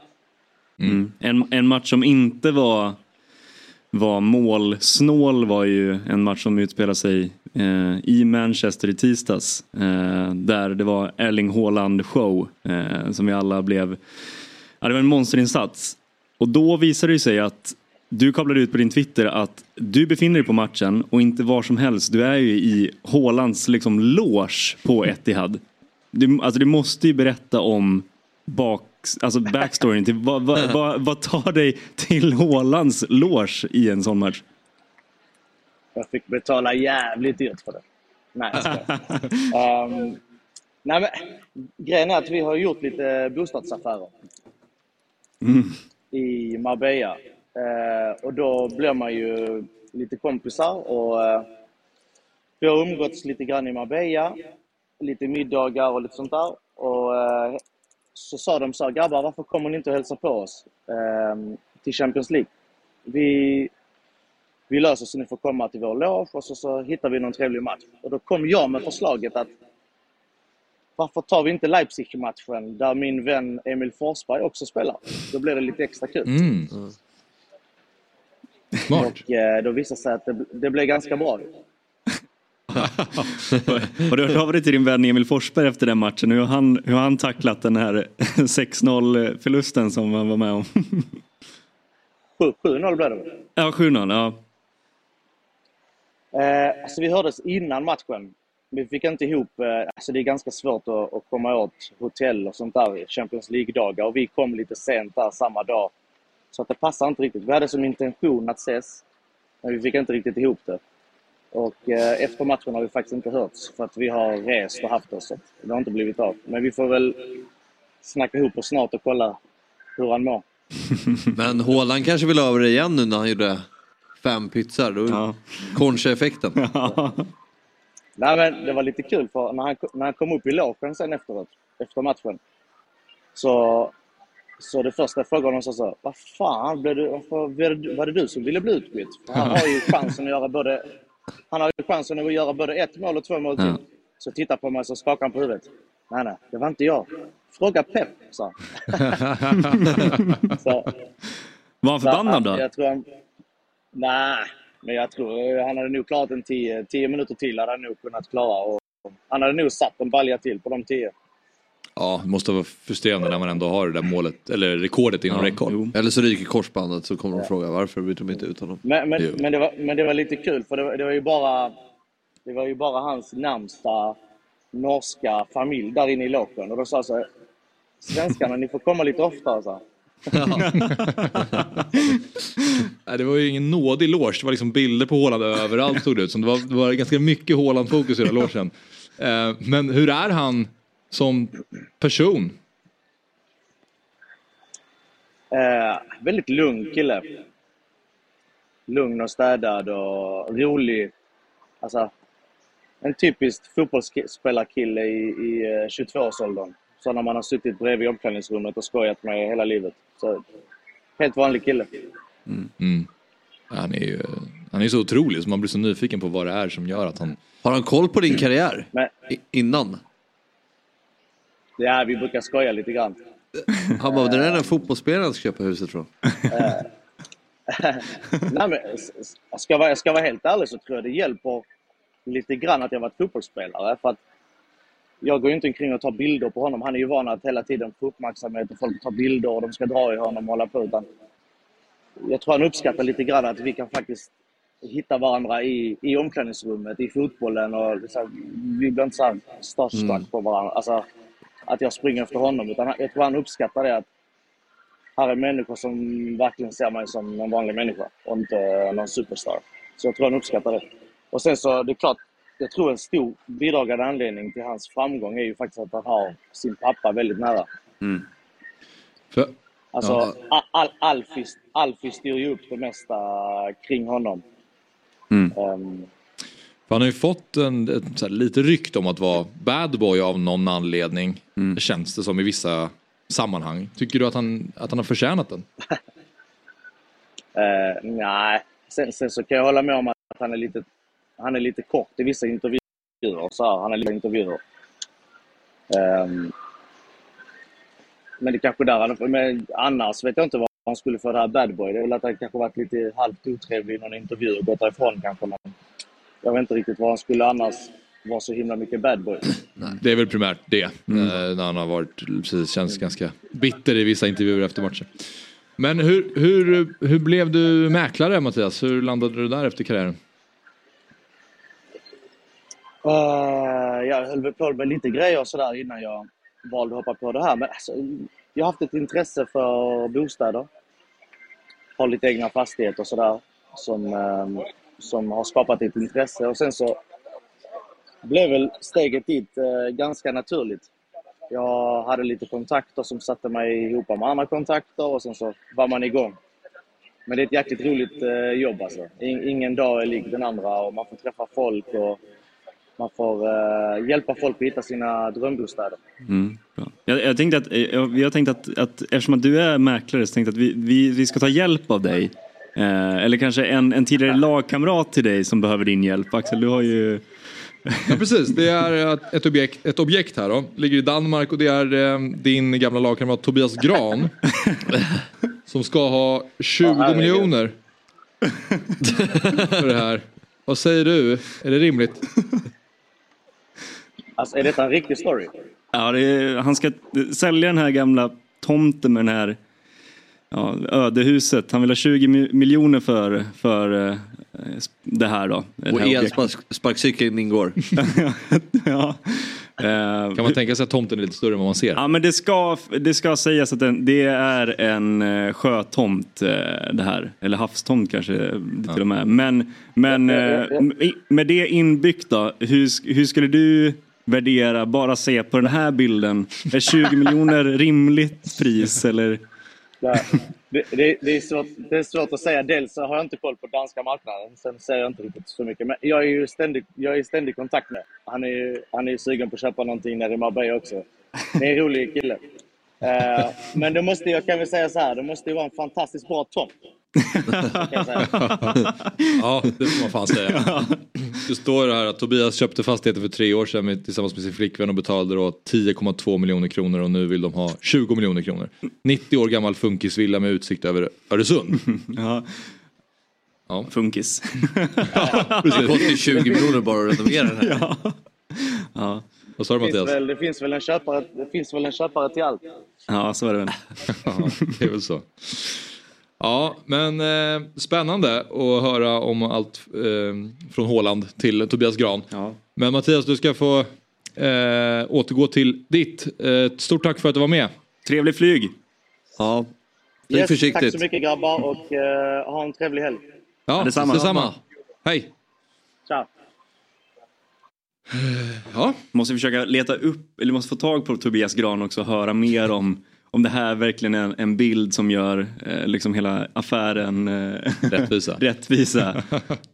Ja, det- eh, Det här är någon taskig dansk journalist som har tagit liksom en bild på en, det någon är, ruckel på tomten. Ja. det är min, min bästa kompis eh, eh, extra farsa kan man säga. Mhm. Han eh, så, jag jobbar också mycket med att så här, sälja och försöka liksom eh, tjäna mycket pengar på bostadsmarknaden. Och han eh, sa alltid då till min bästa kompis att det finns tre viktiga faktorer.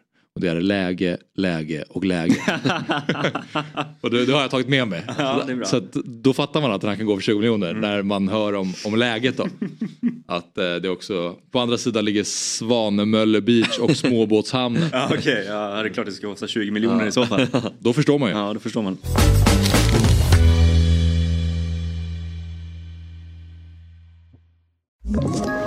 Ett poddtips från Podplay. I fallen jag aldrig glömmer djupdyker Hasse Aro i arbetet bakom några av Sveriges mest uppseendeväckande brottsutredningar. Går vi in med hemlig telefonavlyssning och, och då upplever vi att vi får en total förändring av hans beteende. Vad är det som händer nu? Vem är det som läcker? Och så säger han att jag är kriminell, jag har varit kriminell i hela mitt liv men att mörda ett barn, där går min gräns. Nya säsongen av Fallen jag aldrig glömmer på Podplay. Nu är klockan 08.15 och det innebär att vi är framme vid punkten. Fabbe tipsar. Det finns ju två stående, ja. det finns ju två stående moment i Fotbollsmorgon fredag. Och det är On This Day och det är Fabbe tipsar. Mm. Ja precis. Det är, eh, det är svårt men eh, det är eh, vi, eh, vi har jobbat. Det har ju, inte, har ju varit ett litet uppehåll från Fabbe tipsar. Förra veckan så var jag ju borta. Ja. Veckan innan dess, vad var det då? Just det, det var att jag skulle uppmana folk att vara inomhus. Eh, och, Det var sämsta men, är det bra väder eller? Jag tycker att det ser mycket av våren. Nej. Skymtar den runt hörnet tycker du? Men det känns bara kanske inte mer som genomtänkta Fabbe tipsar. Nej så kanske det inte var. Men uh, den kändes eh, passande då. Mm. då började solen något titta fram. Ja men det var ändå, en, det var ändå en bra, jag har för mig att det var väldigt bra liksom timing av det att eh, gå Alltså, igång på det då. För veckan efter så kom ju snöstormen. Eh, så att det, ja, du är steget före, alltid. Ja det brukar vara. Ja. Eh, nej men det här var, eh, det här är en bok jag har läst. Eh, det är en bok igen jag tipsar om. Det är eh, Simon Elvnäs Effektfull. Mhm. En väldigt bra bok om ledarskap. Och eh, det finns väl säkert många chefer där ute, mellanchefer eh, som... Du kanske ska rikta dig till Anders, eh, eh, Anders Timell som... Ja, som... men, ja men Anders Timell skulle sitta här idag. Ja, och jag tänkte att det skulle vara en perfekt, alltså att, att ge den till honom. Ja. Inte för att han är en dålig ledare, det tror jag inte. Men han, han har ju ett jobb som där han måste implementera mycket ledaregenskaper.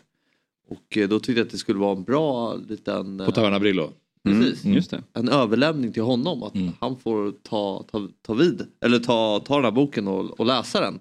Han kan utveckla sitt ledarskap. där. För att eh, det Simon har gjort i den här boken är, det står här, detaljerade studier av ledarskap. Så ökar du effekten av din tid. Simon är en forskare vid Kungliga eh, Tekniska högskolan. Och eh, han har precis här uppe. Mm. Och han har ehm, studerat 500 ledare. eh, och eh, dokumenterat dem via film med samtal.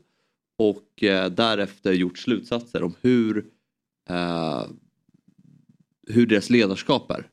och vad de gör och inte gör. Och i den här boken så kommer det väldigt många intressanta exempel på vad ledare gör, alltså chefer, mellanchefer, det- ja, alla som har någon form av chefsroll. Och vad de inte gör. Och därefter kommer de fram till slutsatser och sådär. Och så de sitter med ledare och eh, ja, men i, i samband med att de har filmat dem och där kommer fram till slutsatser och eh, vad, vad de kan göra bättre och så får de testa igen och sådana saker. Till exempel möten. Ja, men vi har ju möten här till exempel varje fredag. Eh, Men vem håller i mötet? Är mötet bra? Är de, genomplan- är de välplanerade? Det var två plus möte igår. Ja, ja men exakt. Behövde du ha det mötet då? Alltså var, var det bra för vår tid? Ja, för att utveckla inte, nej. exakt. Och eh, det är ofta man snackar om att ja, men, ehm, eh, ja, men vi, ska, vi, ja, vi ska ha ett möte en gång i veckan. Men behöver vi ha ett möte en gång i veckan? Kanske inte behöver Det göra. här klassiska, det här hade jag kunnat få som ett mail istället för två timmar i mötet. Ja men så man pratar om vad man vill göra. Men det viktigaste är hur man vill göra det. Men du, du är ju ledare. Mm. Du är ju fotbollstränare. Har, har du kunnat tagit några eh, lärdom av Ja. den här boken? Ja, det har jag gjort. Jag lärde mig en grej Mm. eh, som jag tog med mig till, till träningen. Nej, men vi, vi hade Är det, match- är det det här som kommer vända Stocksunds Nej, men, trend? Nej, men det, är det, den, är inte, den är inte dålig. Men Nej, nej, okej. en grej jag tog med mig här var i alla fall att vi, eh, vi hade en match och vi förlorade med 4-0. Där vi gör jättebra första halvlek, sen tappar vi andra halvlek och då låter vi bara matchen flyta på. Mhm.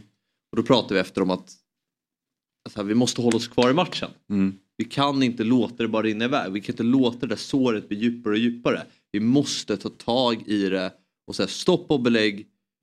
Nu är vi dåliga, men låt inte, vi kan inte ge dem någonting. Som Djurgården gjorde igår på slutet. Ja men du vet, men är så här, men i fotboll, ett fotbollslag under säsong kanske har tre, fyra, fem gånger per säsong där man spelar på sitt absoluta topp. Mm. Resten så gäller det att hålla en hög lägstanivå.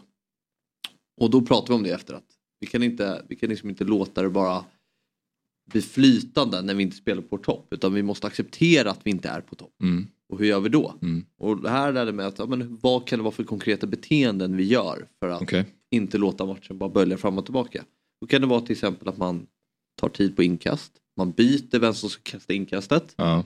Man tar en frispark, eh, man eh, ja, men, eh, inte tar några snabba frisparkar, Mm. inte snabba insparkar utan man försöker dra tiden som skickar signaler att okej nu är vi dåliga.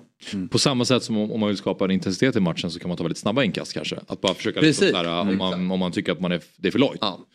Nej men precis, och jag tycker, jag tycker ledarskap är intressant och jag tycker att det är många, att det är saker man behöver, eh, många som är ledare och chefer som, hur ofta tänker man på hur man Nej. brukar sitt ledarskap?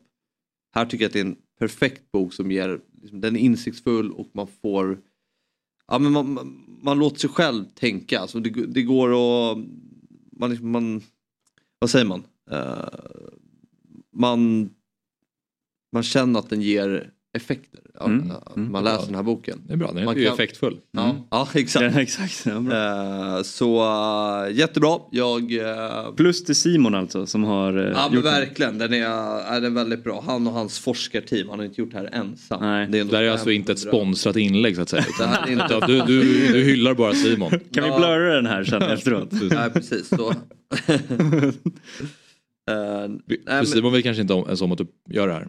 Nej Nej. precis, nej, absolut inte. Nej. nej men uppmanar till alla ledare att uh, läsa Ja, den. vad mer du som ledare, vad har du tagit med dig ditt ledarskap in i din roll i Stocksund från boken skulle du säga?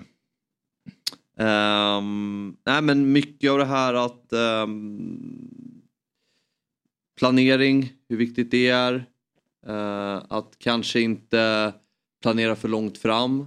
För då kommer det mycket av det man planerar långt fram, inte, du kommer inte göra det. Mm. Utan det, det är bättre att planera på kortare eh, tidsspann. Att planera kanske två veckor framåt och försöka beta av de sakerna du ska göra. Och hur man ska göra det. Och eh, men ju, mycket av det här just att hur du vill göra saker, Ja. inte vad du vill göra. Eh, Mm. Inte prata om vad utan mer hur. Eh, till exempel, ja, men jag vill träna mer. Ja men, eh, ja, jag vill träna mer men ja, då måste jag, ju- då måste jag ut och träna. Mm. Men så då, då går jag ut och tränar. Men hur ska jag träna? Alltså du, du kan ju ta, du kan ju Mm. koka ner det där i väldigt många nivåer. Eh, till exempel. Det är därför många till exempel har PTs. Mm. För de vet ju, PTs, du Ja. anlitar ju en, ex, en expert Ja. som vet hur du ska ta det från start till mål. Precis. Känner du i ditt eh, ledarskap i Stocksund att du, för det var ju den här diskussionen med Graham Potter bland annat, att han sa du har inte blivit, du har inte blivit arg på dina spelare. Du har inte liksom fått dem att elda igång, de ser loja ut.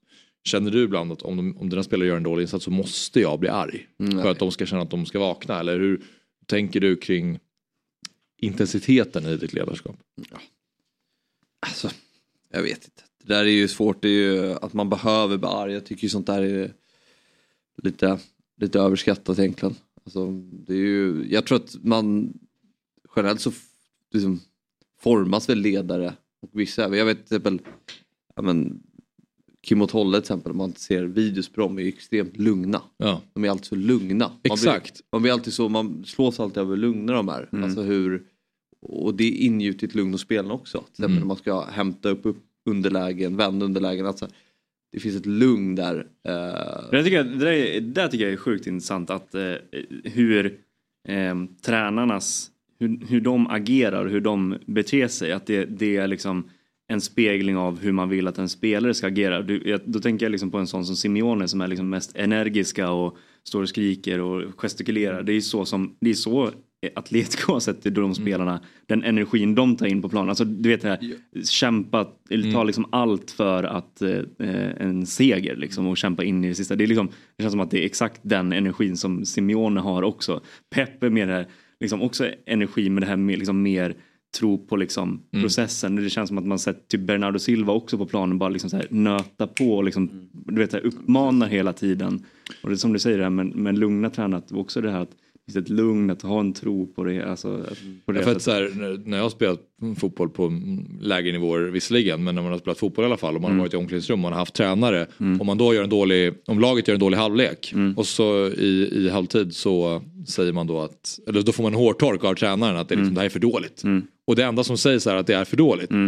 För mig är det helt pointless. Ja, för att det är så här, men okej, men vi vet om att det är för dåligt. Vi Ja. ligger under med 3-0. Alla fattar väl att det här var inte vår bästa match. Men vad ska vi göra för att vända på det? Och det är det som, eh, som du lyfter Kim och Tolle Fabbe. Det känns som att de är ju, de har inget intresse av att, nej. att liksom skälla ut sina spelare. För de vet ju, alla vet ju om det. Det är som att när fotbollstränare säger efter matcher så här, vi måste ta vara på våra chanser.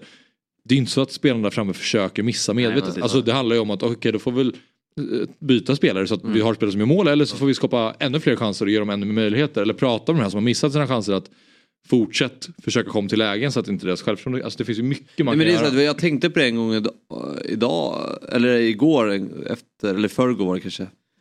Att här, ja, men vad skulle jag vilja göra, vad skulle jag vilja få för målsättning när jag läste den här boken? Vad skulle jag vilja ha för målsättning för mitt ledarskap? Ja, men det kanske är till exempel att jag vill inte säga ett ord under halvtidsvilan. Varför ska jag säga ord under halvtidsvilan? Det behöver man inte göra ibland. Målsättningen ska ju vara att spelarna ska förstå vad man ska göra bättre till den andra halvleken. Men du är väl där för att guida dem i vad de ska göra.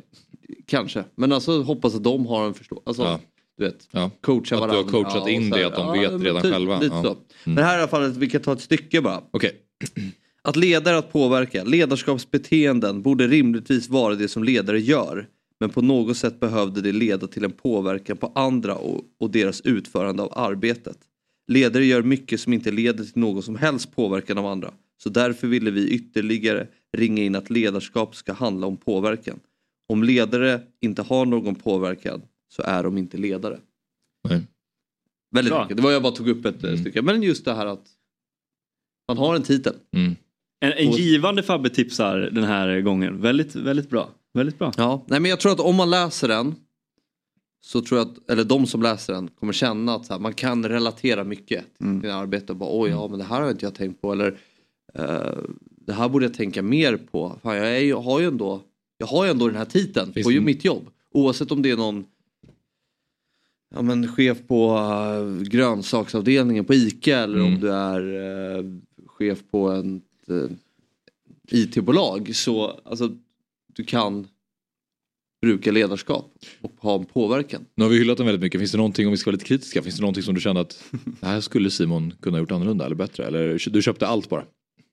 Det är klart vissa delar som man känner att här, man läser och man känner att ja, men det här är väl ja, åh fan. Eller, det, men du Lite vet, stating the obvious. Ja men lite ja, men så här, att de trycker mycket på det här att ja, men det är, du ska du ska iaktta, eller du ska inform, informera, iaktta, följa upp, Mm. utvärdera. Till exempel där Mm. du har en medarbetare Ja. som du ska ha koll på och som du vill ska jobba eh, på bra. Eh, alltså mycket som, som man Mm. känner att ja, men det är väl rätt självklart men ändå som är nyttigt att ändå ta med sig. Vi kan ju ta med oss nu också för att vi, vi har Det är ju bland det enkla som är det svåra. Jag har ju lite koll på mobilen, om, det har säkert tittarna sett. Men jag har ju lite kontakt med eh, eh, gäster och så vidare som vi ska koppla in snart. Alldeles strax så ska vi ha med en, en, eh, en gäst som, det blir intressant, apropå eh, ledare. Jag tänkte också på det. Mm, för vi ska ju prata med Hjalmar Ekdal. Eh, som av landslagsuttagne Hjalmar Ekdal. Eh, som går som tåget där borta i, i Championship. Som har en, eh, en av Europas kanske eh, mest spännande tränare eh, enligt mig i Vincent Company. Som, i, Han kanske har läst den här boken. ja, vi får kolla då. Vincent, ja. Ja, han kanske har läst den här boken.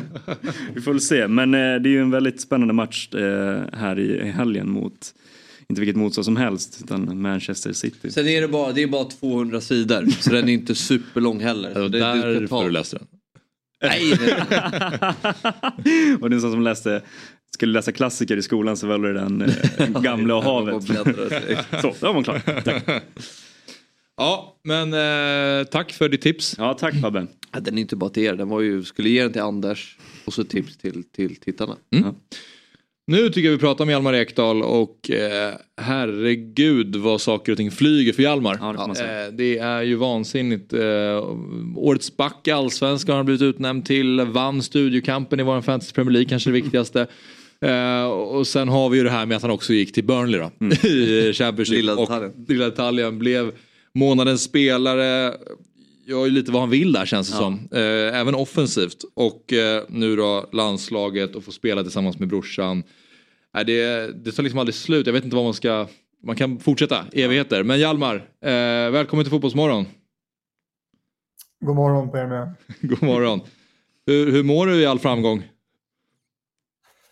Eh, Jag mår bra. Det, är- det är mycket att ta in i början och eh, det har väl gått väldigt mycket snabbare än vad jag trott. Så det, är- ja, det, det har varit en positiv överraskning här i första tiden. Ja. Eh, har du hittat någonstans att bo där i England nu? Ser inte ut som Ja, det. jag bor i en temporär lägenhet just nu. Sen, eh, sen flyttade jag in i min riktiga lägenhet efter, efter landslagsuppehållet här. Så Okej. det, det ser jag fram emot. Ja. Ja men vi pratade lite ledarskap här och du kanske hängde med på Fabbes tips här om en bok som heter Effektfull från eh, Simon Elvnäs. Och eh, då var ju Oliver... Bra. Där, till att börja med, vad tyckte du om Fabbes tips?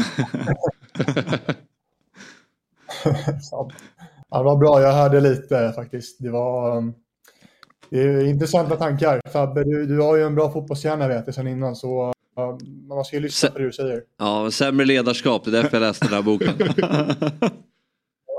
Exakt. Men jag kan skicka den här till England så kanske Company kan läsa den någonting. Nu är det i och för sig på svenska men Han kan nog läsa det, eller lära sig det också. Han är ju ett geni. ja. Eller om du Ja. översätter. Precis. Men Ja, ja vi pratade lite ledarskap här om och olika fotbollstränare. Du har ju haft ja, Janne nu då och vi har Kim och Tolle, vi har Vincent Company. Rydström.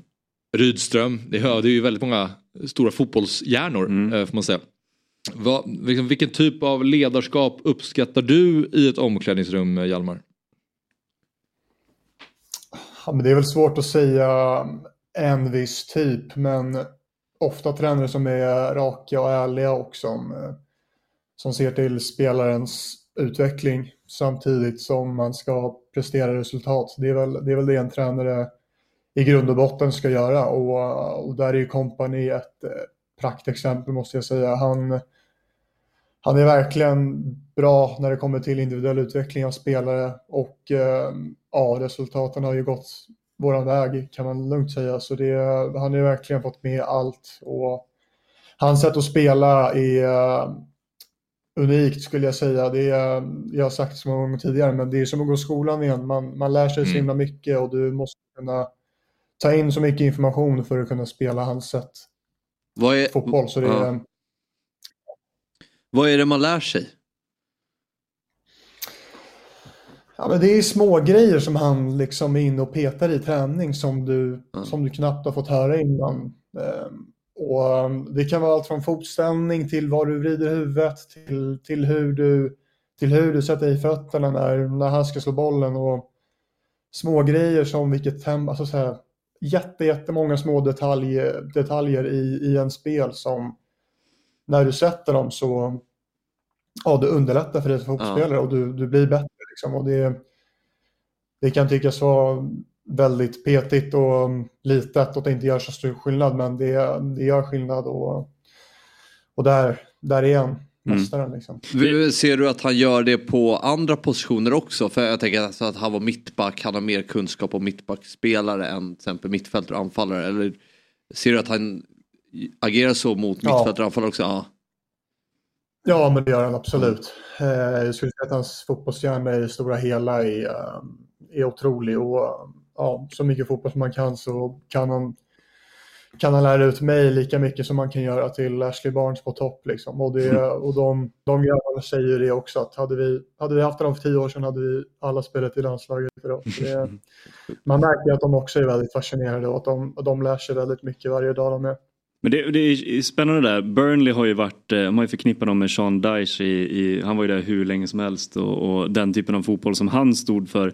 Company har ju kommit in med, med nya idéer, nya tankar och liksom fått, fått liksom träff från första början. Eh, det känns som att han har nästan ändrat en typ av eh, en fotbollskultur i, i klubben. Vad, vad krävs för att få en sån, vad har han för att få liksom den impacten på en, på en klubb som Burnley direkt? Vad är, det, vad, är det han, vad är det för egenskaper som krävs för det?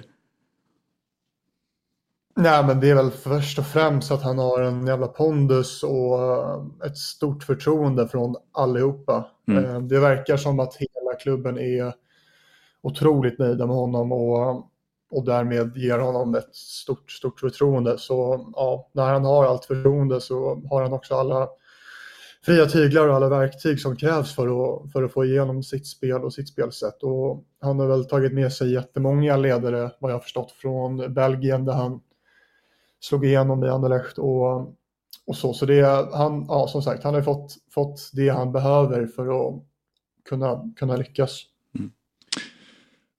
Ja, men jag tänkte bara utifrån så har man ju bilden av the Championship att det är en liga som lite bevarar mycket av den gamla fotbollen. Alltså mycket knock it long och mycket närkampsspel och dueller. Vad, vad hade du för känsla när du åkte över till England? Vad, vad, vad hade du för tankar kring fotbollen som spelas där och hur du skulle anpassa dig och, och sådana saker? Eh, jo, men den bilden hade väl jag också lite. Sen har jag förstått det som att många fler lag strävar efter att bli mer moderna och spela en mer modern fotboll. Och inte minst Burnley då Ja. är ju ett det är väl laget i ligan som, eh, som ligger i topp när det kommer till bollinnehav och, och hö, hög press, vilket liknar ganska mycket det vi hade i Djurgården. Så när jag pratade med kompani där innan och han, han sa det att vi, vi har högt bollinnehav, vi, vi spelar väl ingen typisk Championship-fotboll liksom. Då, ja, då, då såg jag det som ett, som ett steg i en riktning där ja, Championship, det är väl den klassiska fotbollen där är väl ingen fotboll som speglar mig som fotbollsspelare, men får jag ett lag som, som toppar ligan när det kommer till alla de bitarna i ett spel som jag är bra på, då, då blir det ju bra. Liksom. Sen utvecklar det mig också väldigt mycket att få spela en fysisk fotboll mot, mot sådana motståndare. Så nej, det, det har varit bra. Och nu till helgen så tänkte jag bara komma till att ni spelar ju kvartsfinal i FA-cupen och ni ställs mot Manchester City på deras hemmaplan. Du ska möta Haaland. Det är väl eh, förmodligen din tuffaste eh, uppgift, måste det vara, i karriären än så länge att ställas mot City eh, på Etihad. Vad tänker du om den uppgiften Hjalmar? Ja, tänker jag. Det, det kommer bli otroligt häftigt. Det, det, ja, vi, vi möter världens bästa fotbollslag i princip. Så det, jag vet inte, ska man be till Gud innan? Och, inte, det liksom, vi, vi får ju gå ut där och bara hoppas att vi alla formtoppar och att de har en dålig dag. Då ska vi nog kunna stå emot rätt bra i alla fall tror jag. Eh, Men jag tror alla är jävligt taggade och tycker att det ska bli en otroligt häftig, häftig match. Det, det gamla, eh, eller jag vet inte om ni var, kanske var i, i landslaget eh, samtidigt men, men eh, när Sverige mötte Norge så hade ju Alexander Milosevic en, en taktik för att psyka Haaland med att eh, gå, säga lite saker till honom under, under matchen. Det slutade ju inte jätteväl. Eh, vad, vad, hur tänker du, hur, hur ska du få stopp på den norske målmaskinen? Nej, precis. Han pikade väl honom på fel sätt kanske Ja. och då gjorde han två kassar om jag inte minns fel. Mm. Eller en kasse i alla fall. Eh, så jag tänker kanske gå andra vägen och försöker bli lite polare med honom. Ja. Försöka Ha lite gott surr med honom när det är, när det är döda bollar. Eh, Fråga om Mattias jag Concha. lite- Ja, vi har precis pratat om Mattias Concha här. De är ju till en polare. Så du kan ju prata om hans, eh, Mattias Conchas eh, karriär med Haaland. För det verkar han vara väldigt intresserad av. Ja, det kanske är bra. Kanske på Bostadsmarknaden annat. på, i Marbella. Ja. Ja, exakt. Jag tror att han hade blivit psykad för att han hade blivit förvirrad i alla fall. Ja. Jag började prata om Mattias Concha, Mattias Concha vid en hörna. Förlåt? Concha? Din mäklare? Men, men Hjalmar, om det är några som ska kunna slå City så är det väl ändå Dels att Burnley är så, att ni är så starka just nu men att det är också Vincent Company och Craig Bellamy som assisterande som också har ett förflutet i Manchester City. Ja, nej men precis som du säger. Det är, han, Company möter ju sin, sin lärare lite och ja, vem vet, kanske Company har tagit det bästa från Pep och adderat det själv han tycker är bättre. Så tränarmässigt så blir det ju en jäkla intressant kamp där, där vi ställs mot ett lag som förmodligen spelar på ja, nästan helt samma sätt. Ehm, så det, det, på ett sätt är det, ju, är det ju bra för oss och kul att se också hur, hur det, ja, så sättet som vi spelar, hur, hur det, hur det liksom visar sig på den allra, allra högsta leveln. Ehm, men ja, jag tror ja, den tränarkampen blir, blir jäkla, jäkla kul och spännande faktiskt. Vad fyller Bellamy för funktion? Klassisk andra tränarroll skulle jag säga. Han eh, smyger in små, små tips och eh, är väl den under träningar och övningar som, eh, ja, som, som snackar mycket, skickar in bollar och är lite domare liksom. Och, ja, klassisk andra tränare. Har har han dragit eh, historien om eh, golfklubban än? Nej, det har han faktiskt inte gjort. Och eh, jag vet inte om jag riktigt vågar lyfta upp den heller. Men du vet vilken det är eller? Det vet jag. Jag vet inte vilken det är. Nej men det är när han eh, slår över John Arne Riise inför en Champions League-match mitt på natten. Med en golfklubba. Han slår honom med en golfklubba mitt i natten. Ja, Riise. Och sen gör han mål mot Barcelona. Firar absolut en goldsing. Vilken dåre. ja men. Eh, jo du har ju faktiskt ställts mot Haaland tidigare Hjalmar. I Norge eh, när ni mötte dem eh, i eh, landskamp där. Och eh, då var det också ganska tufft. Vad, vad tar du med dig från den matchen? Har, kan du liksom, fast någonting som du lärde dig av att möta honom, hur han spelar och sådär? Eh, ja, det, det gör jag väl. Eh, det var en tuff match. Han var, han var bra. Han gjorde två mål, tror jag.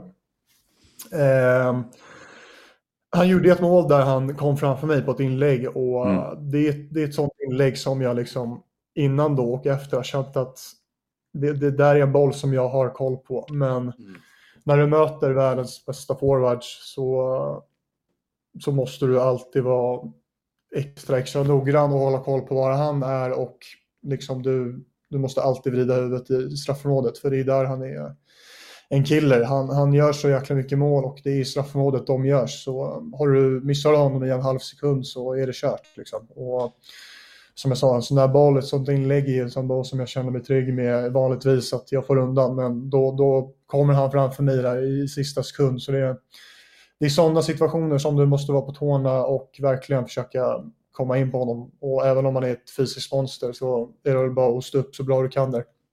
Mm.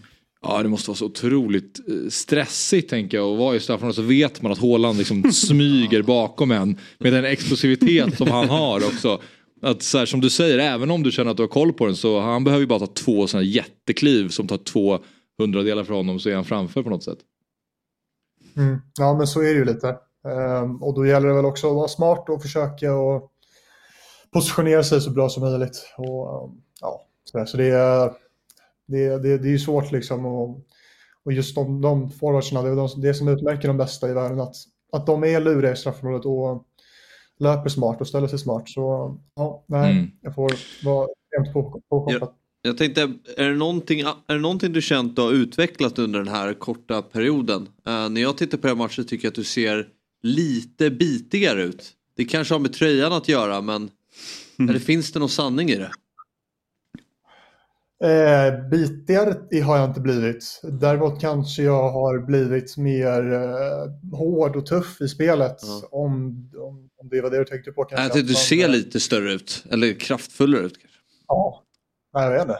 Då är det Kanske nog bara tröjan. Det är bara tröjan.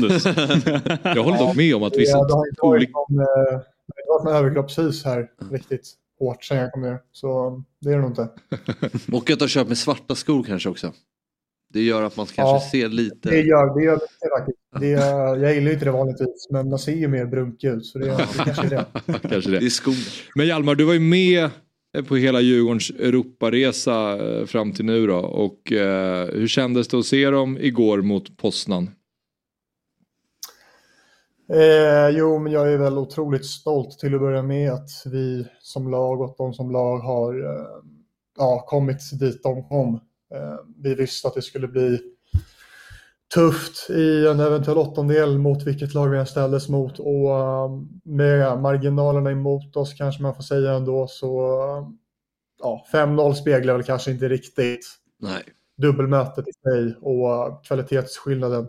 För sån stor kvalitetsskillnad tycker jag inte det är. Djurgården vinner ju ett sånt dubbelmöte ett par gånger liksom på tio försök i alla fall anser jag. Så det är ja, lite marginaler mot oss och självklart att, att Djurgården är i försäsong och de är mitt i säsong. Hade, hade Djurgården i höstas mött dem så hade, hade de nog haft större chanser att slå dem. Hur mycket, vi diskuterade lite, hur mycket påverkar det tror du? I, alltså i så hur man känner sig i form eller vilken, vilken form man är i under Jo, det här. det- Ja. Jo, men det spelar roll såklart. Eh, I höstas så gick Djurgården som tåget och eh, vi var formstarka och det var match, två matcher i veckan ofta och det var liksom... Vi slog varje, varje lag på hemmaplan slog vi i Europa-kval eh, och gruppspel. Så med det självförtroendet och, och i det slaget så, så är det klart att det hade varit, hade varit annorlunda. Det är alltid annorlunda för ett lag som, som är i försäsong och kontra ett lag som är mitt i säsong och spelar. Det, det gör väldigt mycket och just den här gången så var det till deras fördel tror jag. Vad tycker du om att Djurgården kanske inte har matchats mot de tuffaste lagen under försäsongen? Borde man ha matchats mot tuffare lag för att förbereda sig inför, den här, inför det här dubbelmötet? Ja, det, det hade man absolut kunnat göra och eh, ja, den poängen förstår jag ju helt och hållet men jag förstår också att det kanske det är inte lätt att, att kanske få till ett sånt motstånd under en försäsong. Um, det är Svenska cupen, sen ska vi på träningsläger och, och liksom, eller de skulle på träningsläger och, och det är lite, lite beroende av hur allt klaffar förmodar jag. Så det, det, ja, det är väl inte att knäppa på fingrarna så står, så står ett bra lag på andra sidan. Men ja, i, i, en, i en optimal förberedelse så hade man ju kanske mött ett tuffare motstånd.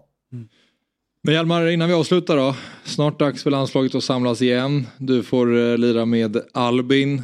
Ehm, det, det som är lite intressant också är ju mittbackspositionen. Eh, nu med dig Hjalmar som är i stor form. Vi har Isak Hien, vi har Victor Nilsson Lindelöf såklart. Vad, hur ser du på dina eh, chanser att starta mot Belgien? Och grattis förresten. Ja. Ja, tack. Tack till att börja med. Eh, jo, men ja, jag vet inte riktigt. De är väl okej.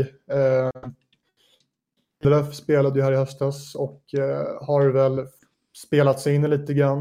Eh, så det, det är väl de två, förmodar jag, som, som är tänkta att spela. Eh, men jag vet, jag vet inte. Eh, det återstår att se. Liksom. Vi, vi ska träna några träningar. Ehm, jag vet inte hur det är med Hien heller, om han, om han har några problem. Mm. Eh, så ja, jag vet inte. Det, är- det är mycket, det är mycket att, att se till. Men eh, ja, det, det ska bli otroligt häftigt och, och och vara där samtidigt som Albin är ju första gången och eh, definitivt en dröm som går i uppfyllelse. Så ja, vi, vi börjar där, sen får vi se hur det går på träningar och hur förberedelserna ser ut. Ja, det är nog en fråga som du kommer få några gånger under landslagssamlingen misstänker jag. Hur är det att få spela med brorsan? Eh, Så att det är bara memorera svaret och köra på repeat. Ja, det är en låg odds att den kommer. Ja, det är det. Ja, men sista frågan. Du kommer ju få spela med Albin men du kommer också spela med Zlatan. Hur är det? Mm. Eh, men häftigt såklart. Det är ju en, en barndomsidol för alla svenska fotbollsspelare i min generation tror jag. Och eh, ja, han är ju, om inte den största, en av de största inom sin tid i fotbollen. Så det, är- det är klart att det blir häftigt och det ska bli kul att få vara runt honom bara och ja, se, hur, se hur han agerar som person och hur han är i ett omklädningsrum och hela den biten. Ehm, allt, allt med det är bara spännande och eh, ja, man, man ser fram emot det. Mm. Ja, spännande. Mycket kul som händer framöver här. då. Men eh, till att börja med så hoppas jag att du stänger ner Håland då. Då känns det som om du gör det så borde den här mittbacksplatsen vara gjuten mot Belgien också. Ja, den som gör det, han, han spelar nog inte i Burnley längre. ja, men eh, tack Hjalmar. Lycka till lycka imorgon då. till. Kör hårt. Ja, tack. Ha det bra. Ciao. Ha det bra, hej. Han är så jävla fin Hjalmar. Alltså, ja. Han är så himla otroligt lugn och sansad men så himla begåvad uppenbarligen.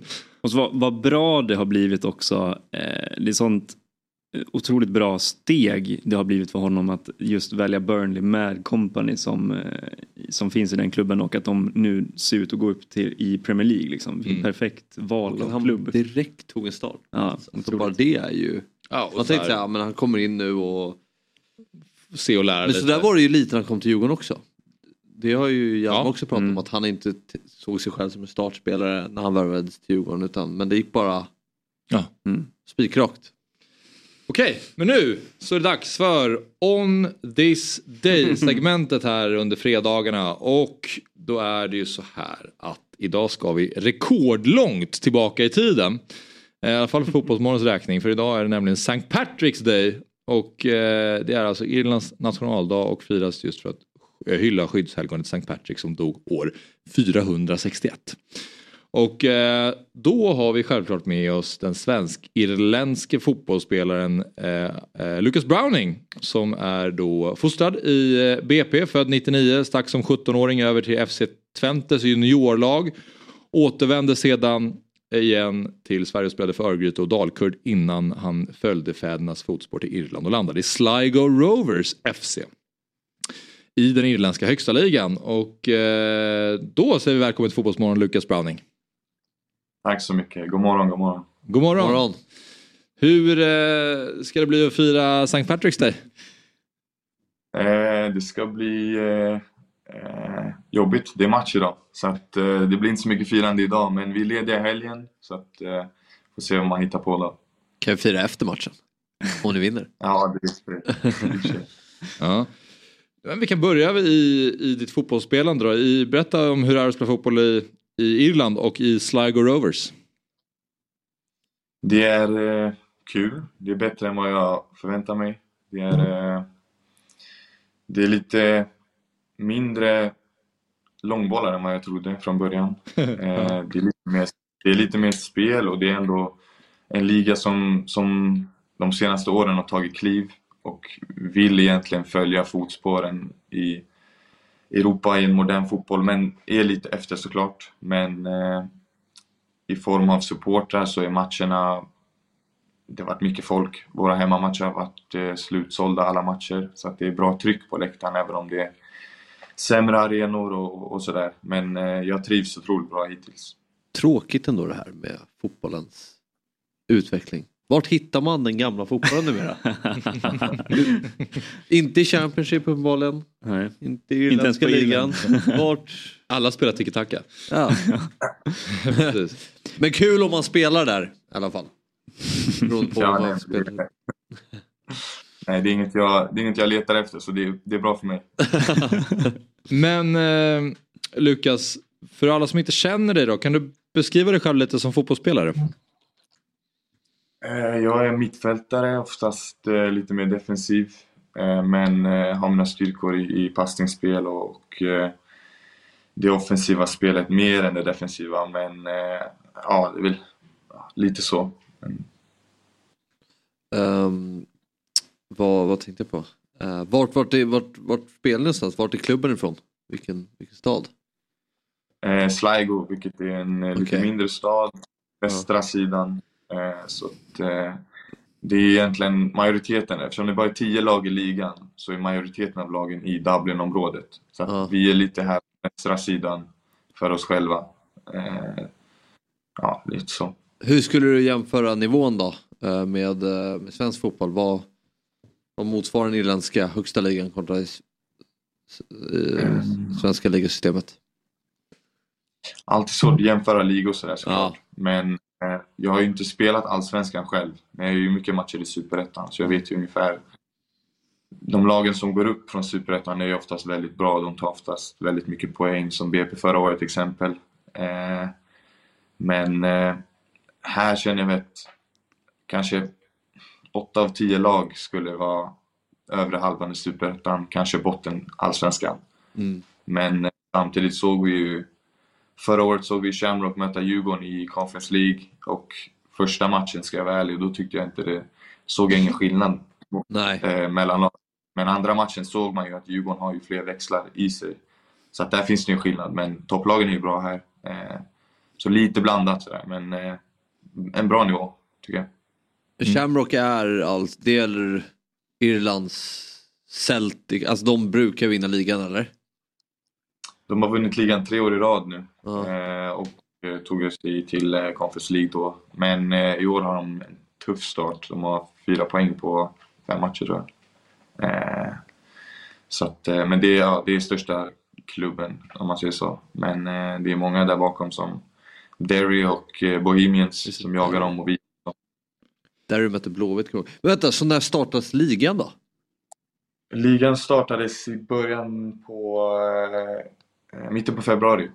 Eh, Så vi har varit igång ett tag. Så vi har sjätte matchen idag. Eh, vilket, vilket också är en, en, en rolig grej. Liksom. Alltså, vi spelar på gräs från mitten på februari och då ska jag säga att gräset var inte så hemskt som man kan tro utan det var bra gräs liksom. Och det är faktiskt väldigt skönt med den försäsongen att bara ha fyra, fem veckor där man, man kör stenhårt och sen drar säso- säsongen igång. I Sverige Ja. så är det en lång väntan och du kan nästan komma, du kan komma ur form till försäsongen i Sverige. Och så har du ändå två, tre månader på dig liksom. Mm. Men är det på din far eller mors sida som vi hittar irländska påbrott? Eh, det är min pappa. Han eh, bor här och, och eh, jag föddes här men min mamma är svensk så flyttade till Sverige. Alltså, om man går in på din Wikipedia-sida här. Du är, du är alltså född på Irland, eller hur? Yes, föddes på Irland. Men, och jag hitt, alltså födelseorten måste jag stanna till vid för att det är ett otroligt svenskklingande namn. Drogheda. Eller hur uttalar man det? Ja, inte riktigt så. Det är Drawheada då. Ja, okej, Men, ja. eh, Ändå inte så långt ifrån. Inte så långt ifrån. Nära, nära, nära. Men de har också ett lag i högsta ligan va? De har ett lag i högsta ligan. var där för två veckor sedan tror jag och mötte dem, så vilket var ganska sjukt. Och det är roligt för eh, sjukhuset där jag föddes ligger liksom 10 meter från planen. Så det var så här, ja. Okej. Nu är cirkeln sluten. Ja, exakt. Det är något mål? Nej, inga mål. Torsk. Hur är din irländska då Lukas? Eh, min engelska eller min irländska, det är ju två olika. Ja, jag tänker på irländskan. Mm. Nej, den är svag. Den är svag. Du får öva upp den nu. I så fall. Men det är ju ett omöjligt språk alltså. Ja, Det är ju det som är känslan när man har försökt kolla runt lite och försöka lära sig. Men när man ska lyssna på irländska fattar jag. Mm. Så det är helt omöjligt. Ja. Inte för att man skulle förstå det men det är bara så här, det är, det är ett obegripligt sport. Nej, Eh, obegripligt ja. språk. Men vi, jag, tänk, jag är lite mer nyfiken på St. Pat- Patrick's Day för att jag är lite os, eh, osäker på hur man Nu sa ni att ni har match idag men, men hur firas den dagen egentligen? Vad gör man Eh, på det är St. Patrick's Day? Nej men folk, folk gillar att ta sig ut. Så alla kommer ju gå ut och det kommer olika festivaler och, och pubbarna kommer ju vara smockade.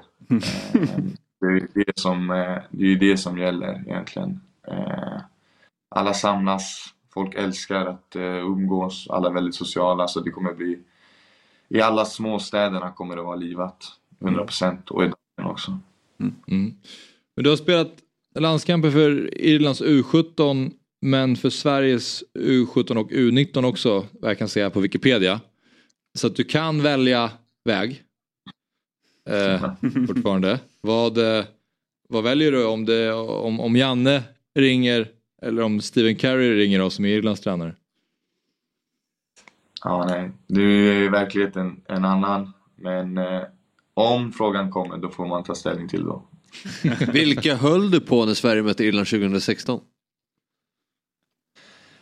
Eh, ingenting egentligen. Jag eh, kollade som neutral. Ja, det blev 1-1 också, det passar ju bra. Ja, ja precis. Det bra för mig. Ja.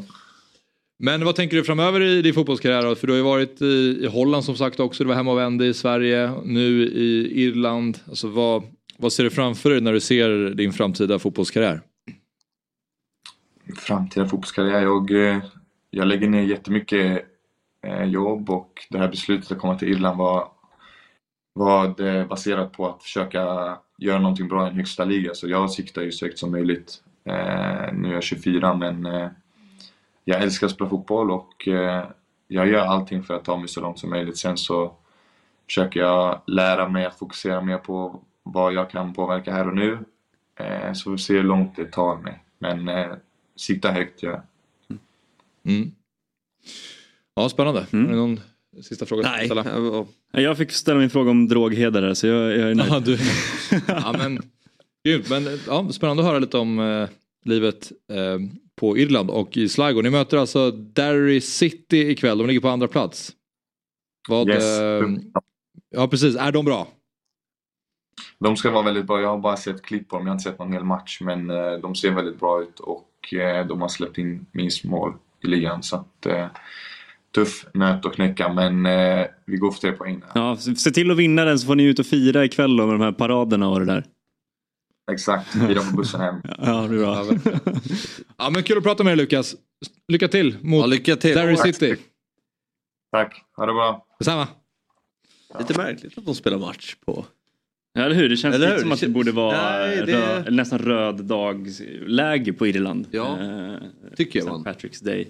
Ja, man tänker det nästan. Men det är väl lite som att de spelar Boxing Day fotbollen också kanske då? Att när, Ja. när folk, det kanske finns en sån där eh, gammal att när, när eh, ja, men, publiken, supporterna var lediga så fick de gå på fotboll.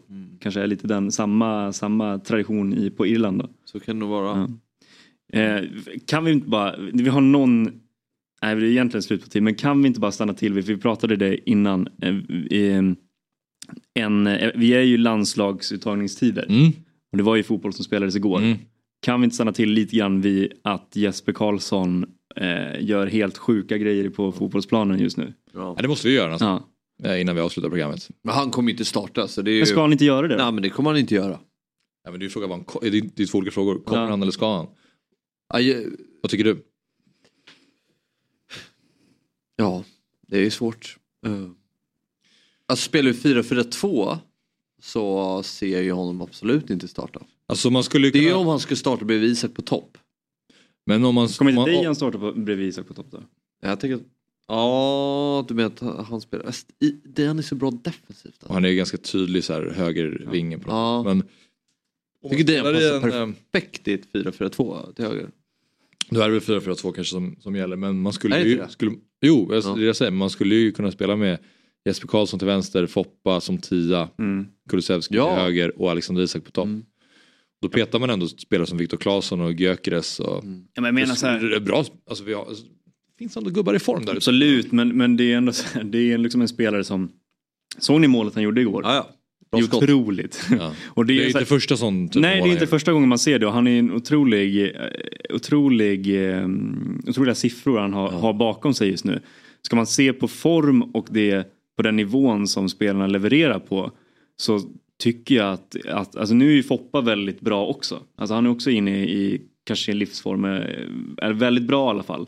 Eh, Dejan har det lite tyngre just nu. Ska man se på form och Precis. på eh, alltså det de gör på fotbollsplan så borde, alltså, borde Jesper vara Ja, start. Ja. Tycker jag. Nej, det är svårt. Det, alltså, det är ju verkligen, det är ju många som är i bra form. Alltså vi har en Gyökeres som har gjort Absolut. nästan 20 mål i, i, i Championship. Mm. Nej så är det ju. Men det är, men det är också lite så här om, om han... Alltså, menar, Hur mycket mer ska han bevisa för att få chansen? då? För det känns som att han inte riktigt har Nej. fått chansen i landslaget på det sättet. Ja. Nej, alltså Eller? det är väldigt, för nu börjar det verkligen från noll. Ja, Vi har en Emil Holm Mm. som gör det bra i Spezia. absolut. Eh, vi har, jag menar, och det har varit kraft tidigare. Mm. Jag menar, sen har vi många offensiva spelare som gör det bra. Jesper Karlsson, Gyökeres. Isak. Ja men Isak är ju Ja, startspelare. Jag menar men, de eh, som man inte riktigt... Det är, det är ganska intressant faktiskt hur Janne formerar sitt lag. Mm. Jag sitter och kollar på truppen här också men Alltså inte bara framåt men så här mittfältsmässigt också Samuel Gustafsson som det känns som att han verkligen älskar. Det Han inte... gjorde det bra också när Ja, han väl fick spela. och han är ju sist. fantastisk i Häcken. Det känns inte alls otänkbart att han skulle få starta. Och så har man Mattias Svanberg som trummar på i Wolfsburg i Bundesliga. Mm. Och, och ni pratat mycket om att landslaget har, vi har haft problem med att spelare inte spelar. Karlström. Så är det väl delvis Karlström. fortfarande. Mm. Men eh, just nu känns det ändå bättre än vad det gjorde för några månader sedan. Ja. Får man säga. Så är Zlatan som är tillbaka. Men sen vet jag inte... också. Han är från start. Ja. Sen vet jag inte vad vi jämför. Det var ju inte så för... eh, Alltså under Lagerbäcks tid till exempel. Det var ju inte så att våra landslagsspelare spelade i stor, stor klubbar heller.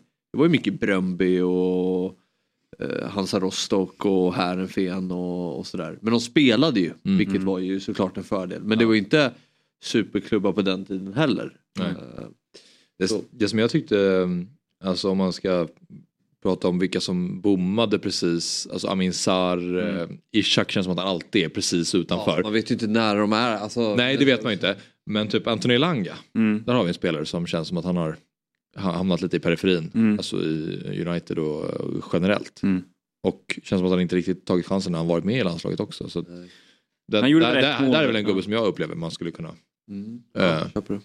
Mest utbytbara av de här spelarna som är uttagna. Men ja, jag tycker det blir lite också så här, ja, visst Amin Sarr är intressant men alltså bara för att, det är liksom, att han får spela i Lyon så tycker inte jag att det ska vara Nej, automatiskt att han tas ut i landslaget. nej. För han har väl inte gjort, han har inte, det är inte så att han har gjort två är- Han har väl gjort, han har gjort, han har gjort ett mål eh, men Det och det är inte samma Lyon som det en gång var. Alltså, vi har ju en bild av vad Lyon är men det är ju inte det Lyon. Och Nej men det är väl mest bara jag upplevt av det man har sett honom i Sverige så har jag alltid tyckt att han känns som ett, en jävla talang. Absolut. Riktigt Ja, bra. men jag håller med går till Holland är väldigt bra. Tar direkt ett nästa steg till Lyon. Får Ja, starta ja. direkt. Även om man inte gör några mål så nej, nej men jag håller med. Alltså, Lite som Hjalmar att man bara kliver över och så bara hoppsan du startar direkt. ja. Det, det, det vittnar ju ändå om någonting om att tränaren känner så här, wow det här var kvalitet. Mm. Här måste vi försöka få in i laget direkt utan att man känner att man måste. Nej, nej men lite så. Det är ju, men det är klart det är ett jättespännande spännande kval. Det är också spännande att, att vi har, eh, det känns som första gången på länge också, eh, Någonting att spela för. Jo men dels det, men jag tänkte på positionsmässigt här också att just målvaktspositionen så kanske det börjar knackas lite på dörren att, att eh, Victor Johansson som gör det otroligt bra i Rotterdam. Eh, nu kommer ju Olsen starta, det är vi ganska övertygade om. Men att vi ändå att det ändå kommer någonting på den, på den positionen också. För att, Mm. eh, Olsen gör det ju bra i landslaget men han har ju svårt att få speltid i, i sina Men klubblag. det spelar, det- där spelar det ingen roll. För han är alltid vår bästa spelare. Ja. Eh, Det, var lite så. Ja, det får man För- säga att Ja, han gör bra. Det, Han gör det alltid bra i spelar ju landslaget. ingen roll vad han Mm. eh, gör i klubblaget. Där är, det är nog den position jag känner mig minst orolig för. För att Mm. han- är alltid så himla stabil. Vem, vem startar bredvid Lindelöf till slut? För det är väl Lin, Lindelöf kommer ju spela. Mm, det är en bra fråga. Jag vet. Beast Eh. on the north. Jag säger Hjalmar då.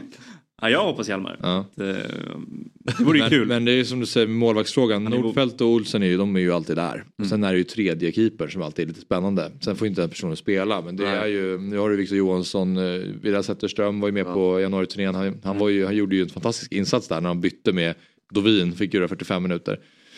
Eh, och sen så har du ju även Leopold Wahlstedt och Potte Karlgren och Linde. Linde också. Andreas. Andreas, va? Linde. Ja, men eh, det blir spännande i alla fall. Väldigt spännande kvar. Och man hoppas i alla fall att Jesper Karlsson kan få något inhopp i alla fall. För jag tycker ofta att han får lite för lite. Ja, han är, Jobba in start. Jag har inte sett, har han spelat i landslaget? Jag det kan inte minnas. Inte mycket. Nej. Sen i och för sig, han är ju... Ja, men eh, ska vi avsluta med Beast from the North eller? Ska vi, Du berättade Men- där på arenan att det var någon som hade skrikit.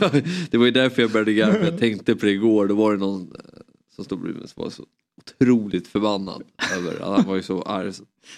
Och så bara gör någon Djurgården en jättedålig aktion. Och då bara här var den sig Beast from the North. Men var kommer den här brittiska kopplingen ifrån? Är det det här Peaky Blinders-Djurgården? Att det ska vara ja, brittiskt det och att vi ska claima ja, Oasis? ja, och... stäng ner det här. Jag hängde där. Liksom. Nej, det, är, det är klart det är en luddig reklam, kampanjfilm för matcher. Ja. Vi, vi jag tycker det är lite härligt. Vi plockar in eh, några britter som pratar om att det är odjur. annars det, det ger mig ett gott skratt. Jag tycker det är Ja, det kul det. och det är... Ja, det är roligt. Ja. Vi Nej, det- avsluta med innan vi och skicka en liten tanke till vår redaktör Otto Jormeus som just nu befinner sig i New Yorks uteliv Ja. mitt i natten. Han skickade in en bild här precis innan sändning. Okej. Han, har, han är lite sliten. Eh, Han är en person som inte behöver en jetlag. Den sista personen i Sverige som behöver en jetlag är Otto Jormeus. Han, han har så mycket stul med sin sömn och tid ändå. Så att han då ska liksom, man ska fuck, fucka med hans rytm ännu mer. Inte bra. har du någonsin sett ett öga som mår så dåligt som det? Ja, där har vi en person som har det tufft. Apropå att man inte berättar att man fyllde år. Det här är ju ännu värre att inte berätta att man åker, till, att man åker iväg. Alltså, Men vissa visste det. Jag visste inte det. Nej. Det- Det har nått mig i alla fall. Ja, det har nått mig också. Mm. Kanske bara du som inte visste om det. Du får fråga andra personer med fler frågor. Du får bli mer nyfiken bara. Och börja fredag. Det är det också. Just det. Och slår vi alltid ett slag för Dobb-TV. Alltså för vissa kanske tittar och lyssnar på Fotbollsmorgon via ja, men, Youtube och våra, våra tjänster man kan lyssna men inte förstått att vi också gör massa andra grejer i studion där borta. Mm. Eh, som ju är dobb.tv. Så skriv in dobb.tv i den webbläsare och hitta alla våra andra program. Där vi pratar om allt möjligt. Ja. 08 fotboll, Eurotalk, fantasy. Det finns så mycket. Quizaleta för de som gillar att quizza. Hade ni inte någon quiz som du skulle köra idag? Eller? Jo, vill du att jag kör den? Vi är lite? ganska långa redan. Nej, det var inget 10 över nio. superroligt eh, quiz men... Eh, Vi kan Det var- spara på det till eh, nästa vecka då. ja, sen är det ju inte... Kanske vi kanske lägger ut det som en liten Ja, Insta-story. det eller något. Ja. Fredagsquiz via Fotbollsmorgons Instagram. Kan vi eh, liksom uppmana för att gå in och följa Jag var och fingrade lite på uh, Fotbollsmorgon på Instagram. eh, quizet. Jag touchade vid det. Inledningen av det här programmet. Du får gissa vad det var.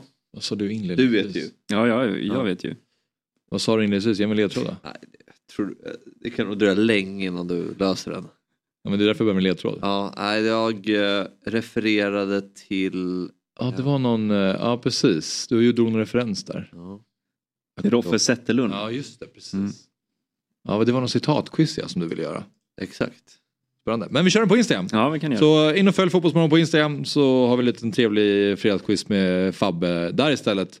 Nu tar Fotbollsmorgon veckoprogrammet helg men imorgon så är det Fotbollsmorgon lördag. Eh, och eh, det kör vi i två timmar. Jag vet inte när vi sagt att vi ska dra igång. När har vi sagt att vi ska dra igång Kalle? Tio imorgon. Tio imorgon. Bra, så drar vi över lite så det blir dryga två timmar ungefär. Bra, vi säger så. Eh, annars är det Fotbollsmorgon på måndag igen såklart. 07.00. Eh, trevlig helg! Fotbollsmorgon presenteras i samarbete med Oddset, betting online och i butik. Telia, samla sporten på ett ställe och få bättre pris.